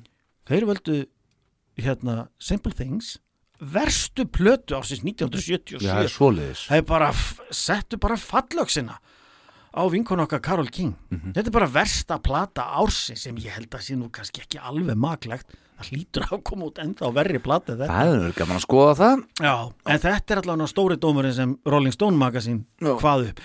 Kannski að því það var úr háum söðlega detta, þetta er Karol King. Akkurat og þarna, já, þarna er aðeins að tekja hallundan fæti á ferlinum, það verður bara að segjast. Og ekki skána það sem sé Simple Things kemur út 77 uh, hérna Welcome Home. 78 kemur 78 og þar er ódrátturinn Rick Evers að tróða sér á, á sko plötualbúmið Já, með henni. Já, og þetta er kannski tilvísu nýja þetta er greinlega tekið, þú veist, það er eitthvað svona æ, eitthvað svona búgarða girðing og eitthvað dót, þú veist, þetta er nöglega búin að dröslinni í hérna í óbyðunar í Idaho. Og velkomin heim, nú búum við hér. Já, já, og þessi plata þarna var fólk hætt að láta plata sig. Uh, no Hún bara seldist ekki. hún komst ekki á topp 100 Nei, nei, nei. það er rosalegt fall, það er mikið rap í því. Mhm. að hvað sjö fyrstu soloplötuna þeirra? Eða eða var, var Simple Things áttunda? Hún var áttunda, já, þetta er Welcome Að- Home í níunda. allar ná að minnstakosti gulli. Já, þessi, hún dreif ekki ná topp 100 nei, hún fer ekki tinn hugsaðir, er ró, og hún þótti bara hræðileg og ekki síst fyrir sko, ekki bara sko, músikin er bara, ég er búin að hlusta á þessa plötu hún er agaleg og Þú vilt lega okkar heyra tóndæmi? já bara til að sína bara á hvað stað blessuð hæfileika ríka hérna Karol King, góðsögnin sjálf á hvað stað hún er. Mhm. og hún spreytti þessi meiri sjá disco blessuð dú og jafnvel út á coveri gefið til kynna sko bara eiginlega country. Að fáum við disco, lagið Disco Tech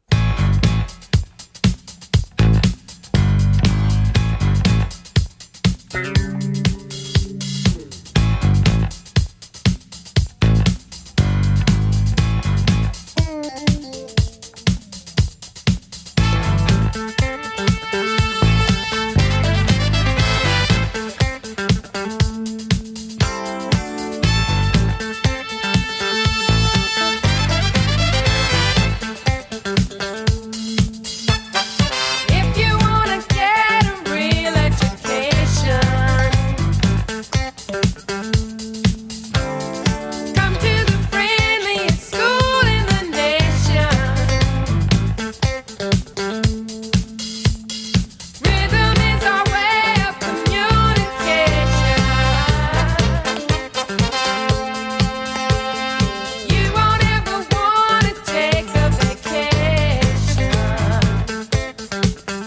Engin X-faktor í þessu lagi, ég heyrði það bara strax. Ah, þetta er alveg handónýtt og það sem meira er Þú varst, þú varst reyndar ekki með söluræðu fyrir þetta lag heldur sko. Nei, og sko þarna er engin Jerry Goffin að hendi í svona nýttin texta. Nei, nei, með sér að textin er algjört rat. Já, það.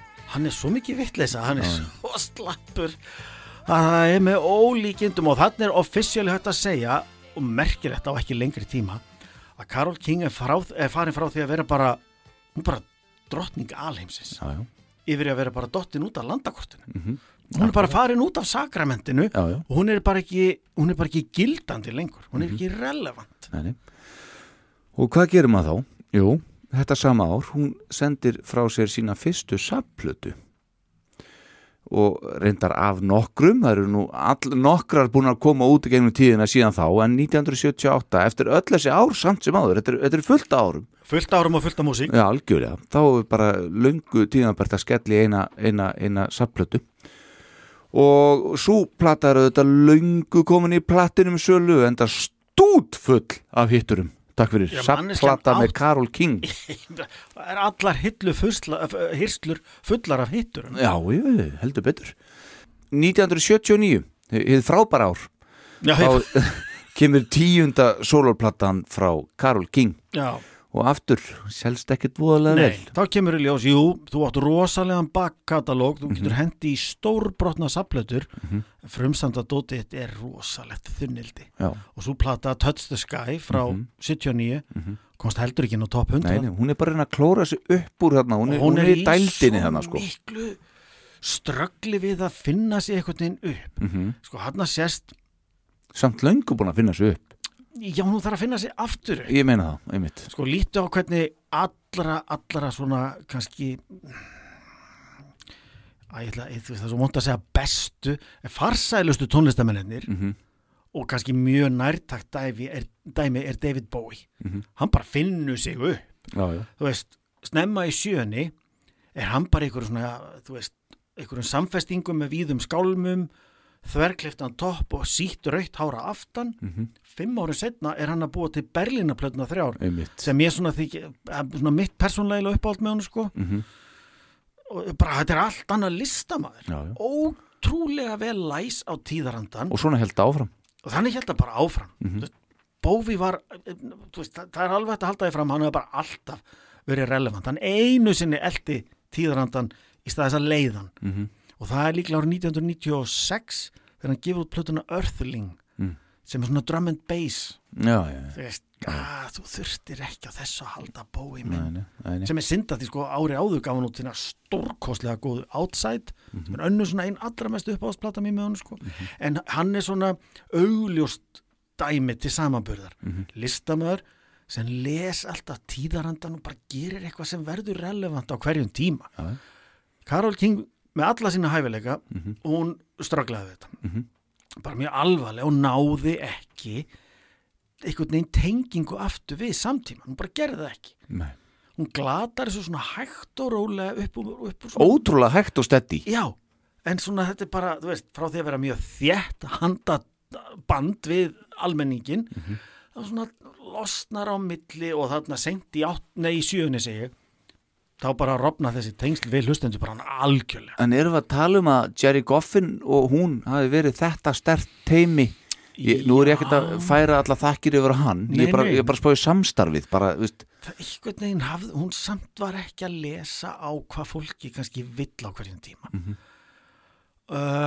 Bófi hefur búið til hann hefur búið til alls konar tónlist hún er alltaf í svona létt poprocki með píano einhvern veginn undir. Já, já, hún semur þetta á píano Hún Það er hennar hljóðfari já, en henni einhvern veginn mistókst þeirra leið á sjöuna að gera tónlistin einhvern veginn relevant. Veist, að, henni svona mistókst að, að vera með skýrskotun í samtíman og Þó svo að hérna, þetta 79 minna, 78 og 9 minna, diskoði var hana Við vorum að hlusta disko lag bara Þannig að tíðarandin er hana En Já, bara hún nær bara- ekki, í gegn. og næri ekki í gegn. Og ég meina þetta sem diskolag er nú ekki merkilegt sko. Nei, nei, hæ- Það- hægur taktur að ba, ég er bara frat sko, umfið í þetta? Að vantar allt og meðan fólk enn þann dag í dag þeir sem Mhm. á annar borð eru svag fyrir diskói hlusta á Big E's já, er bara, bara algjörlega. Mhm. ég hefast um að einhverjir diskófíklar að núti segja að hlusta á hérna diskó Welcome home með hérna Carol King, settu hann á, er geggjuplata og, og Rick Evers. Og Rick Evers, auðmingja maður sko. Það er 1980 gengur í garð og eh, 11. soloplatan eh, frá okkar konu uh, Pearls Já. sem er sem sagt uh, Songs of Goffin and King hún er frá að leita aftur í þær rætur bara uh, með að gefa út uh, þetta er það. bara nákvæmlega sem hún gerir. Þetta er ekki ósvipa sko sapplötinu sem hún hendir í Mhm. hvað 78 og, og mók selur sko. Hún er endur nýta gamalt efni. En fólk er, það, svo veist, talandi um að lesa tíðarandan fólk var ennþá til í gamla stöfi Já. já þetta, nú erum við að tala saman. Þetta er ég til í að kaupa. Já, hún seldist miklu betur þessi plata. Miklu betur. Og svo kemur þessi plata með gömlum perlum Mhm. Pearls Akkurat með efni eftir hana og, og, Goffin og hún Minnir á sig. minnir á sig, seldist bara alveg ágætlega fekk fína dóma, betri dóma Mhm. en plötutan hennar höfðu fengið í mörg, mörg, mörg ár Mhm. og sko þar er loksins eitthvað aðeins að gerast þetta er músík sem fólk árið 1980 var svona alveg til í að hlusta á Mhm. Evers uh, allur Já, þú veist, ljótt að segja það en pínu góðu heilli því að hann var Mhm. náttúrulega bara drulluhalli sko. mm vondu við hana. Vondu við hana. Og sko, hann er hún aftur komin þú veist, með hérna Goffin sér til fulltingis Mhm. og þó þau hafa aldrei náð saman aftur innan gæsalappa sem sko eitthvað par þá unnu þau saman eins og við komum á hann. Og afrasturum var, þú veist, þessi alveg hreint ágæta plata sem aðdándarinnar tóku höndum tveim.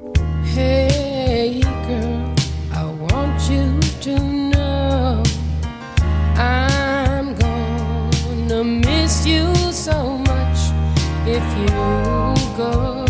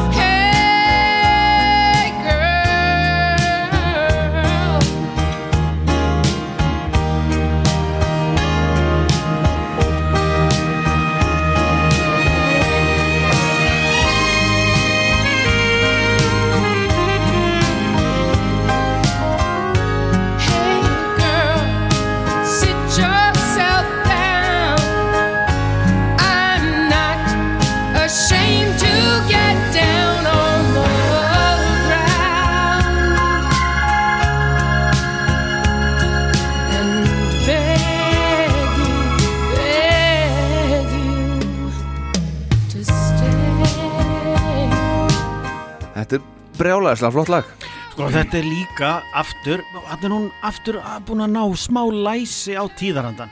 Þetta er alveg ekta svona soft pop rock anno 1980, smá allt sax, svona, háir tónar á ramaspíanói. Þetta er öll innhaldsefnin fyrir 1980. Sko, hann er fólki sem var að kaupa músikinar í upphafi, það er eins og hún að skriði færtugt. Þetta er bara það sem færtugt fólk vildi árið 1980. Já, já Og þetta er bara, hún syngur þetta svo vel þetta En hún sko. er með, sko, saman hvað hún segir sjálf, hún er alltaf með hörgurödd, hörgurödd.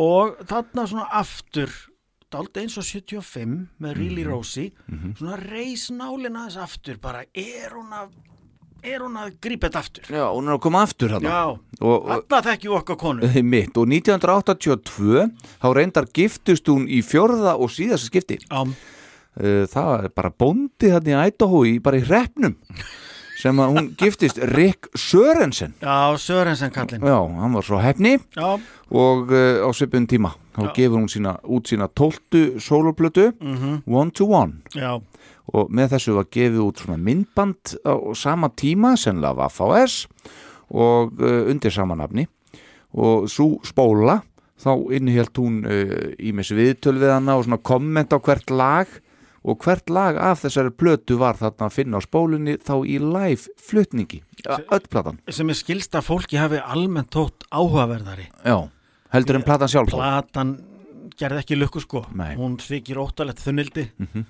Skreið í 119. sæti á Billboard-listanum sko og náði ekki svona rjúfa topp 100 nei, nei, einmitt. Þannig að sko þarna er já það er bara halladaldi mikið undan fæti. Hún er ekki að ná aftur einhvern veginn fluginu sko. Nei, nei, en hún fer þarna samt hún er búin að vera með hérna, einhverjum uh, tónlistamönnum, lagahöfundi hún er búin að vera með aumingja sem að fór illa með hana sem var í eitulegum já, sem er látin þarna hún fer bara í eh, bara einhvern svona stránkæðilegan bónda. Já, já, sjá, hún bara ekki nefndi einhverjum vitleysingum eða, eða bransarottum eða neinu vesinni. Ég uppleita mínu þannig sko, á þess að- að hugmyndum það. Ég, ég held að þetta sé bara rétt lesi hjá já, hún bara nú nægi bara eitt réttan og sléttan hérna úr hreppnum í Idaho. Já, ég reyndar man ekkit og veit ekkit almennilega hversu farsælt eður ei hjónabandið þeirra var sko? Nei, nei það, við komum að því til smá svo sem já, já, ég veit svo sem ekki hvernig það fór ég veit hvernig það endaði. Já, Uh, 1983 árið síðar það er bara plata, það er sjálfsög 13. soloplatan hennar. Speeding Time. Hér er, við að tala um magalendingu. Hér er botninu náð. Já, þetta er brotlending. Já, þetta þykir svona almennt að aumasta sem þessi ofbóðslega hæfileika ríka kona sendi frá sér um sína daga aftur er hún að rembast við að eh, sko, spila eh, talin í tíðarandan Mhm. og býtu bara í tungun á sér sko, og vörun á. Allt fyrir í handaskólum þessi plata verður til þess að hún fer bara í útgáfi já, hún bara verður Og bara bóndakona í það var bara gott. Já, nú skaltu snúa þeirra mjöldum já, í stað þess að vera í stúdíónu því þetta kona góð er ekki gott afspurnar nýtti frekari framdráttar eftir, öll þín afreg mhm af, sko, og það, það ok, hér kemur reynda mögnu staðrind Mhm. hún upplifir sér þarna í raunni með smá undantekningum í Pearl, þarna 80 og eitthvað, hún upplifir sig á langri eyðimerkugöngu og það er réttilega. Hún hefði hort um öxl svona tvisar, þrisvar, gefið út sapletur, farið í perlutnar og það gengið mjög vel. Hún ákveður hérna í aldrahanda útgáfu þessara plötu Speeding Time að leita aðeins í, í fortíðina, farið smá afturkvarf og hún hóar í pródúserinn Lou Adler sem hafði pródúserað nota bene Tapestry. Og hina og bara fullt með henni. Já, og Music, þessar, þessar tvær svona almennt hæst skrifuðu plötur. En ó nei, honum dettur bara í hug heyrðu, við förum bara í syndapopp það er 83 og nú er allir að, að, hérna, í, í hljóðgerlum og vilt ekki verða korrent Jésús Pétur í allan vetur hvað þetta, þetta, er, þetta er bara vandraðilegt sko. Út með hljóðami ég er því miður með hljótaði og sko þú orðar þetta vel á þann, ég á þetta og ég má þetta en kona góð, þarft að mist þegar maður læginu svona botlu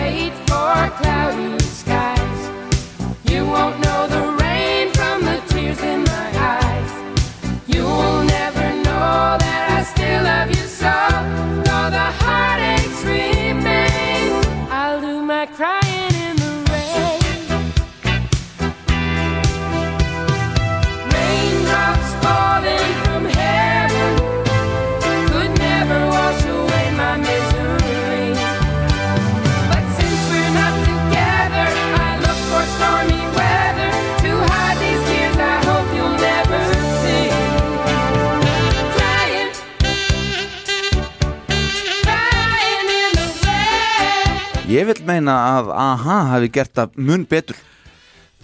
Já, Við komum inn á þetta í upphafi að, það, að þegar við hlustum að AHA að það lag væri til í verri útgáfi Við erum komin að því. Það er þetta og það er hún sjálf. Eins og henn er frjálst, hún á þetta. Já, já, en sko, hugs, eins og við komum inn á hérna í upphafi og það kemur í ljós þegar hún er bara barnaaldri og hún er með það sem heitir perfect pitch. Það er að segja fullkomið tóneira en hún er ekki næm á útsetningarnar.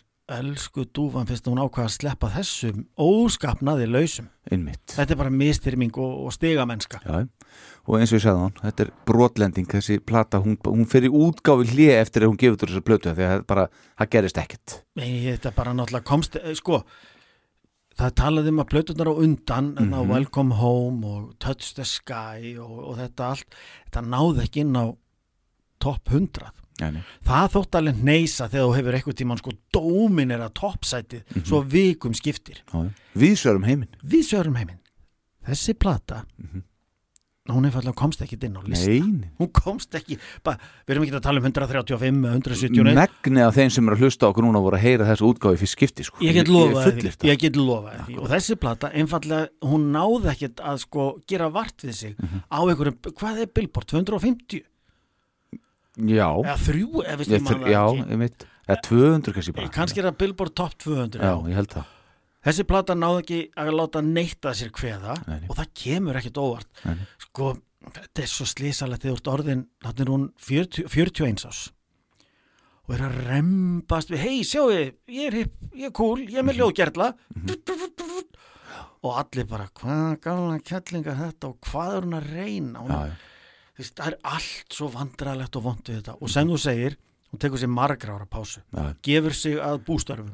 Algjörlega og bara fyrir mjaldir uh, reyndar, þetta- hérna sem við erum að tala um hér er 1983 1987 þá reyndar er hún og Jerry Goffin hennar fyrirvendi það eru tekin saman inn í frægðarhöll lagahöfunda.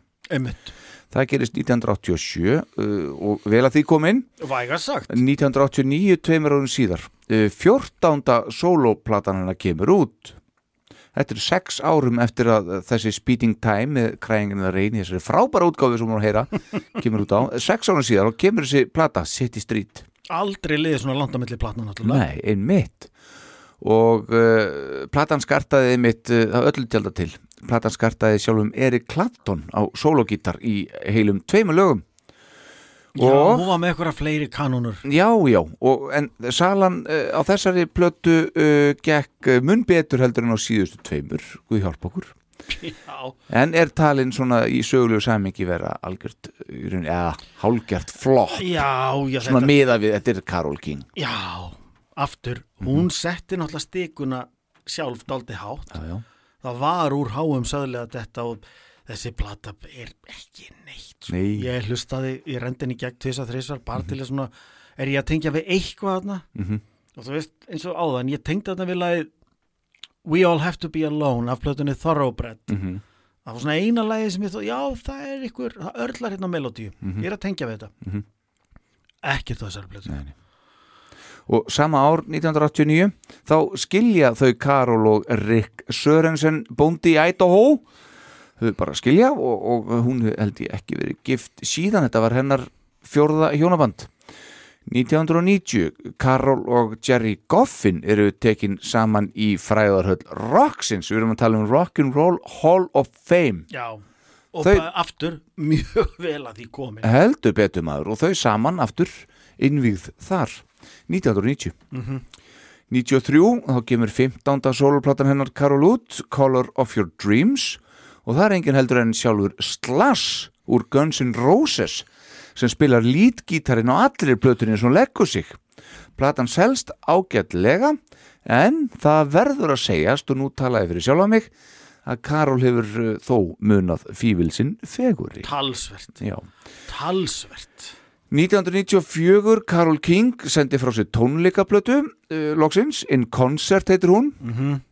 uh, og svo gerist nú voða lítið. Það kemur nú einhver platan sem ég fann lítið um að það ekki stað inn á milli. Það kemur plata úr árið 2001 já en undan henni er eitthvað eitthvað time, time Gone By. Kannast eitthvað við Þá það? fór hún fram hjá mér. Já, Sko, e e eiginlega má alveg segja síðasta soloplata Mhm. með bara frumsömdu efni Já, það er þessi Color of Your Dreams frá 93 Já. eftir það er hún svona daldi mikið bara eins og sumir orða, hún er í svona Rolling Stones fasa Mhm. og hún bara spilar tónleikum gefur út sapplötur Mhm. lifir á stæfgjöldum og, og sölu á eldra efni Mhm. en er ekkert að stressa sig mjög vola mikið á nýjútgefnu segir nú reyndar að voru ekki Stones að gefa út nýja plötu. Einmitt. En svona þú, þú sér hvað ég á við. Já, já. hún er bara ekki, þú veist, enda þá er norðin hvað 51 Mhm. og bara má bara setjast í sófan og, og, og setja fætur upp á pullu sko. Já, því líkt og annaðins dagsverka baki. Já, ég myndi segja það. Og ekki bara í tónlistaröldur í mjaltir með þessum minnst ekki á það? Tvö- Já, Idaho. Já, 2001 og ég reyndar held hún búi ennþá í Idaho ég það er rétt. Já, er það er rétt. Já, í útn árunum einhvers þar 2001 eins og segir kemur út hennar 16. soloplata og uh, það er platan Love Makes the World. Já, ok. Það, og já, já, það er 2001 já, það er plata sem var reynir mun eftir aðan já, uh, já, er það frumsami sóloplata já það er ennlega málið. ok, þá, þá bara, þú veist, þannig er hún að smelli 50 Já, já.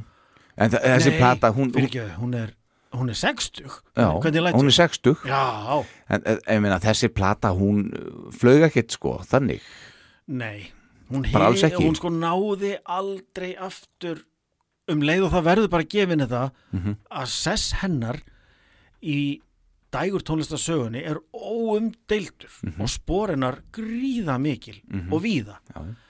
En hún nær ekki frumsamda flýinu í rauninni bara frá því í miðri sjöunni það er bara það er bara harðu veðurleiki, hún já. gefur út efni sem vel má vera hardkjarna aðdáttun Mhm. taki höndum tveim, hann að þekki okkar konu og, bara frábært en En svo aftur á móti að þú minnst á Rolling Stones Það er sama þar. Ég veit það. Já, já. Þannig að þú 100%. Já, akkurat.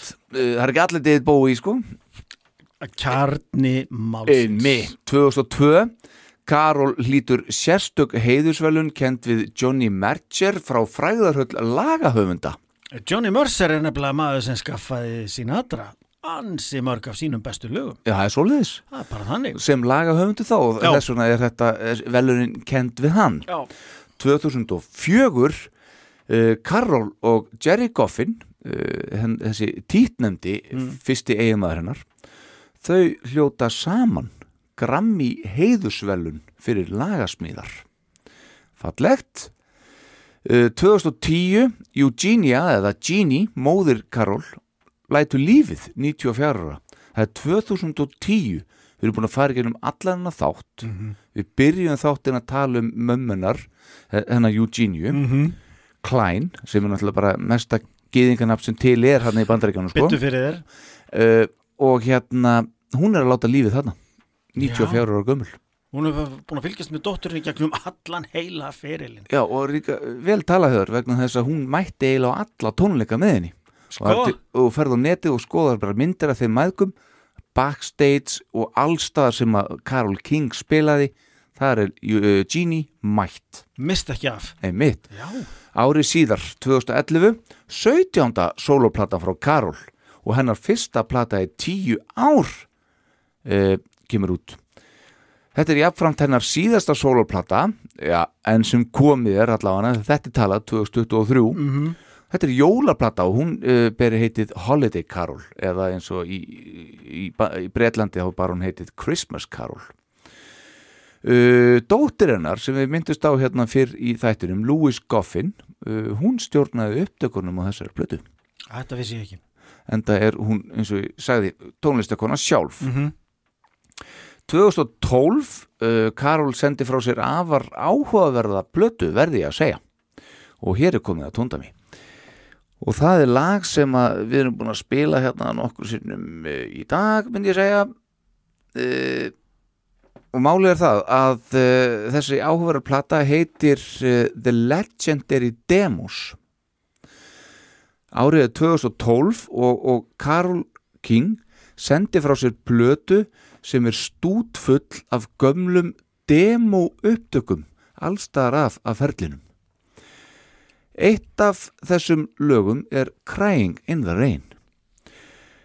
Þessi plata sem er demo plata mm með alls konar soundi frá alls konar tímum alls konar tímum ekkert production í gangi þannig séð nema bara, bara með umslag og eitthvað, eitthvað heilda mynd á verkefninu. Er bara svona umgjörð ykkur akkurat, já, hún í 57. sæti á Billboard listanum 2012 velgert Carol King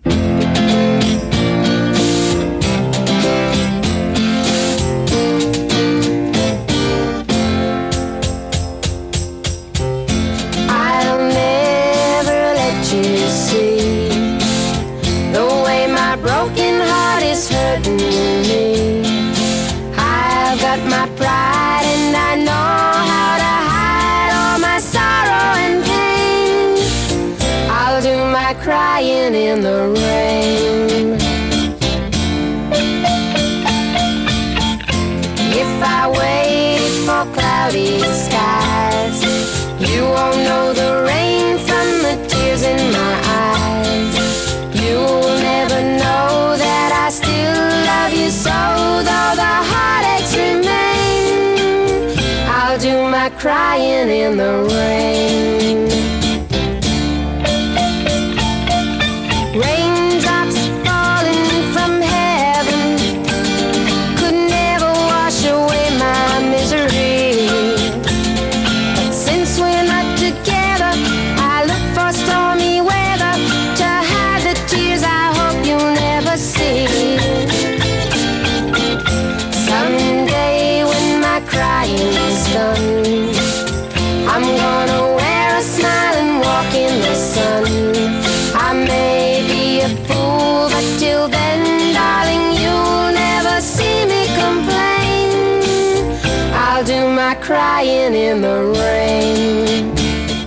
Ég bara veit ekki um annan listamann sem er gefið út uh, demoplötu uh, með gömlum upptökum og ná þetta hátt á listanum í bandarækjum ég ætla ekki að útloka þessi til en ég bara veit ekki að því. Ég verð að taka undir með það, ég get ekkert fullist um þetta. Nei, ég man í fljótu bara ekki eftir því sko. nei. Það það, er vel gert. Já, en, Við erum bara búin að tala um fullt af plötu með hún er á, á, fullu að reyna að komast aftur inn. Mm nær ekki að brjóta þennan 100, topp 100 múr. Nei, demoplata 2012, Já. eldgammal stöf. Já, en það sko 15.7 tvent í þessu mest spennandi músikin hennar er náttúrulega daldið í fortíðinni. Mm og þegar þú spáir í sko próduksjónuna á plötunum hennar sem gerðu, það hvað best. Uh, líku mjög beint við bara að grípa í tapestri sko. -hmm. þetta er, þetta er ekkit óðbóðslega flókin og mikil próduksjón Mhm. þú veist, ég er ekki að segja þetta sé þetta er ekki en demo þetta eru daldið demoleg lög. Það er daldið þegar hún fyrir að reyna að hlaða einhverju dótar í utan á lögin sín sem henni fattast flugið setna meir sko. Tapestry og, og hérna Music blöðnur hann 2 frá 71 eru og þannig er hún að tala svo óðbóðslegin í tíðan þetta eru svo bara einföld tónlist mikið til. Já, já, já, já, en þetta er náttúrulega svo, svona þetta ávið svo marga tónlistamenn og tónlistafólk. Já, nákvæmlega þetta. Um mitt sama ár hún sendi frá sér þessa legendary demosplötu sem er frábær hugmynd og ég, hún fær 10.000 rockstykk fyrir það mm frá mér. mm -hmm. þá fær hún uh, stjörnu merta sér á Hollywood Walk of Fame. Já, já, uh, 2014, tveimur ára síðar eh, eftir það, Jerry Goffin uh, deyr 75 ára aldri. Mm uh, 2015 þá fær Carol King uh, heiðustónleika í Kennedy Center Honors fyrir sitt æfistarf í tónlist. Og uh, þar kemur fram James Taylor og fleiri. Og þar að leiðandi einnig Aretha Franklin sem þá var 73 ára. Og hún svo lést þarna þremur árum síðar eh, 78 ára. Þar flutt hún eitt eh, velvalið lag og ég hugsa að við, já, jafnvel bara endur þáttina eftir á því býðum við það aðeins uh, renna þess yfir þetta. Þetta er að vera búið hjá mér hér sem ég er með 2018, Karol sendi frá sér lagið One sem er það svona með því síðasta sem að hún hefur sendt frá sér að því held. 2021, Karol semur lagið Here I Am Singing My Way Home. Hún semur þetta fyrir hana Jennifer Hudson söngunu Mhm. Uh, Jennifer Hudson syngur þetta í myndinni Respect þar sem hún fer með hlutverk einmitt Arithu Franklin títnendrar. Emmitt, ok. Já, og þessi mynd innihjalt þetta eina er nýja lag með, sem að Karol King samdi. 2021 talandum 10.000 rockstig. Mm -hmm. setjum 20.000 rockstig á þetta hér. Býttu við Karol King er vígð inn í fræðarhöll rocksins sem sólólistamaður skýtt með Jerry Goffin. Sko bara þetta og svona heiðustónleikar í Kennedy Center allt til að klappið. Já, Sko þessi kona á allar vegtillur og veiðukenningar algjörlega skilið. Já, já. Bara hennar sess, hennar fingraför um dægu, sko dálítið þegar dægumúsikar slíta barskónum í sexunni, hún er bara nánast allt í öllu. Bítlarnir taka lag með, þú veist bara nefndu það skilur með mitt Spiluðum við það? Nei, við gerðum það nú ekki við Nei. bara svona, við vorum að meira kannski að Já, gefa tóndæmi sem er ólíklegt að fólk þekki Já, já við vorum meira að horfa á ramögnu sveskjurnar sko. Akkurat Enda er þetta allt saman á, á Spotify eða öðru, fólk vill hérna tjekka á þessu Já, en og við getum slúttað akkurat þeim punkti með að það er sem sé lagið Chains mm á fyrstu plötu bílana sem Mhm. hérna er eftir Karol King Akkurat Jæja Jón. Uh, Óska þátturinn um Karol King hann er að baki. Já, þetta var áhugavert Já, sem ég segi, ég þurfti hérna bara allt í hérna að leggjast í smá heimildavinnu og svona að ég vissi ekkit ofbóðslega mikið þannig lagað um, um Karol King fyrirfram. Nei, þetta er gríðarlega áhugaverð saga. Já, dramatík svona inn á milli. Já. En svakarlega fyrirferða mikill sess í dægutónlistasögunni heldur betur og, og bara svo þetta er svo flottur karakter þessi kona. Já, ég menn annars hefðum bara, held ég, ég held að megi fullir að þú veist að þú átt ekki svona ofbóðslega langa feril eða þú ert ekki daldið daldið svona almennlegu karakter. Mhm. og bara, þú veist, ef við erum aðeins að kannski leggja okkar lóð og vogaskálatna með að halda nafninar á lofti að því hún hún er ekkit kannski mikið þér allan ekki hér á Íslandi. Í umræðinni frá degi til dags nei, þá er það bara fínt að um að gera að, að, að bara minna á, á, á, á dömuna sko því að hún er alveg unnið til þess. Já, og svo líka finnst mér pínu kúli í þessu öllu saman að þau hérna sem þetta geggjaða tvíeki, hún á gofrin mm -hmm. hún er í tónlistinu og hann er í orðunum sko, veist, þannig Já. að veist, hún er pínu svona hún, hún er vélin textan er verða að virka og verður flottir. Þú komst inn á þetta jú. að þetta verður alltaf að vera þyngd í þessu öllu. Já, menn hún er músikantinn sko. Og, og það, það er það sem grípuðu fyrst og þá fer að spáðu textanum. Það er alveg rétt, það er alveg rétt. Og er- hún er bara alveg stór brotinn lagahöfundur sko. mhm. Það er bara ekki flóknara. Nei, og það eru ótrúlega flott vídeo til af henni á YouTube sem ég er með eitt. Hvet alla áhugasama sem er húgt á Karol King eftir að hlusta á þetta. Ég vissum það þau fara á YouTube og skoða þetta og það er til dæmis eh, eins og Central Park tónleikanir og þá eru líka tónleika sem hún spilar á sem að uh, James Taylor er með og uh, Charles Larky sem er þó uh, hennar eiginmaður þáverandi. Einmitt. Bassaleikari. Mhm. og hún bara, hún er svo ótrúlega flott og örug á þetta píanó. Hún er svo með þetta, Ég, hún er náttúrulega náttúru talent á píano bara algjört. Hún er Já. bara, þetta er bara eins og fyrir okkur bara að lappa sko, fyrir hann að spila píanóði sko, mm -hmm. og veit nákvæmlega hvað á að gera og hvernig þetta er. Þannig að hérna ég hvet allir til þess að tjekka því. Við ætlum að enda þetta uh, árum við kveðjum uh, hérna, þá ætlum ég að segja frá því að við ætlum að enda þetta á uh, Kennedy Center, Center Honors. Þetta er þegar að uh, er ekki Barack Obama? Jú, því að við erum séð þegar að Led Zeppelin voru teknir inn í þetta? Já, já þeir gretu nú líka einmitt sko Þegar þegar það að hart hart flutt í Stairway to Heaven. Einmitt. Heldur betur. Og þarna er bara stórkostlegt vídeo til á YouTube þegar að Karol King er í sömu spórum að Zeppelin þá. Já, og Arið þegar Franklin e, þreymur árum fyrir sinn dánadag mætir hana og hérna sestu píanóið. og spilar þetta lag. Bara og, og kemur þessum sjóaða lagahöfundi í opna skjöldu. Og úrjabægi, og úrjabæ, bara upphafst tónarnir og þá mhm. serðu bara hvað það færa á hann heldur betur. Já. Jón Agnar, takk kærlega fyrir þetta, þetta var frábært. Nefndu takk fyrir mig maður. Fyrsti Óska, Óska þátturinn Já, við sjáumst bara í Jónsmessu nummi nýju Nummi nýju og málefnið er tilbúið. Það er það nefnilega.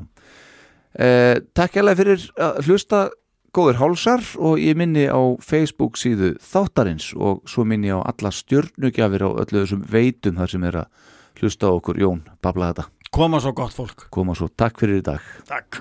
One Aretha Franklin.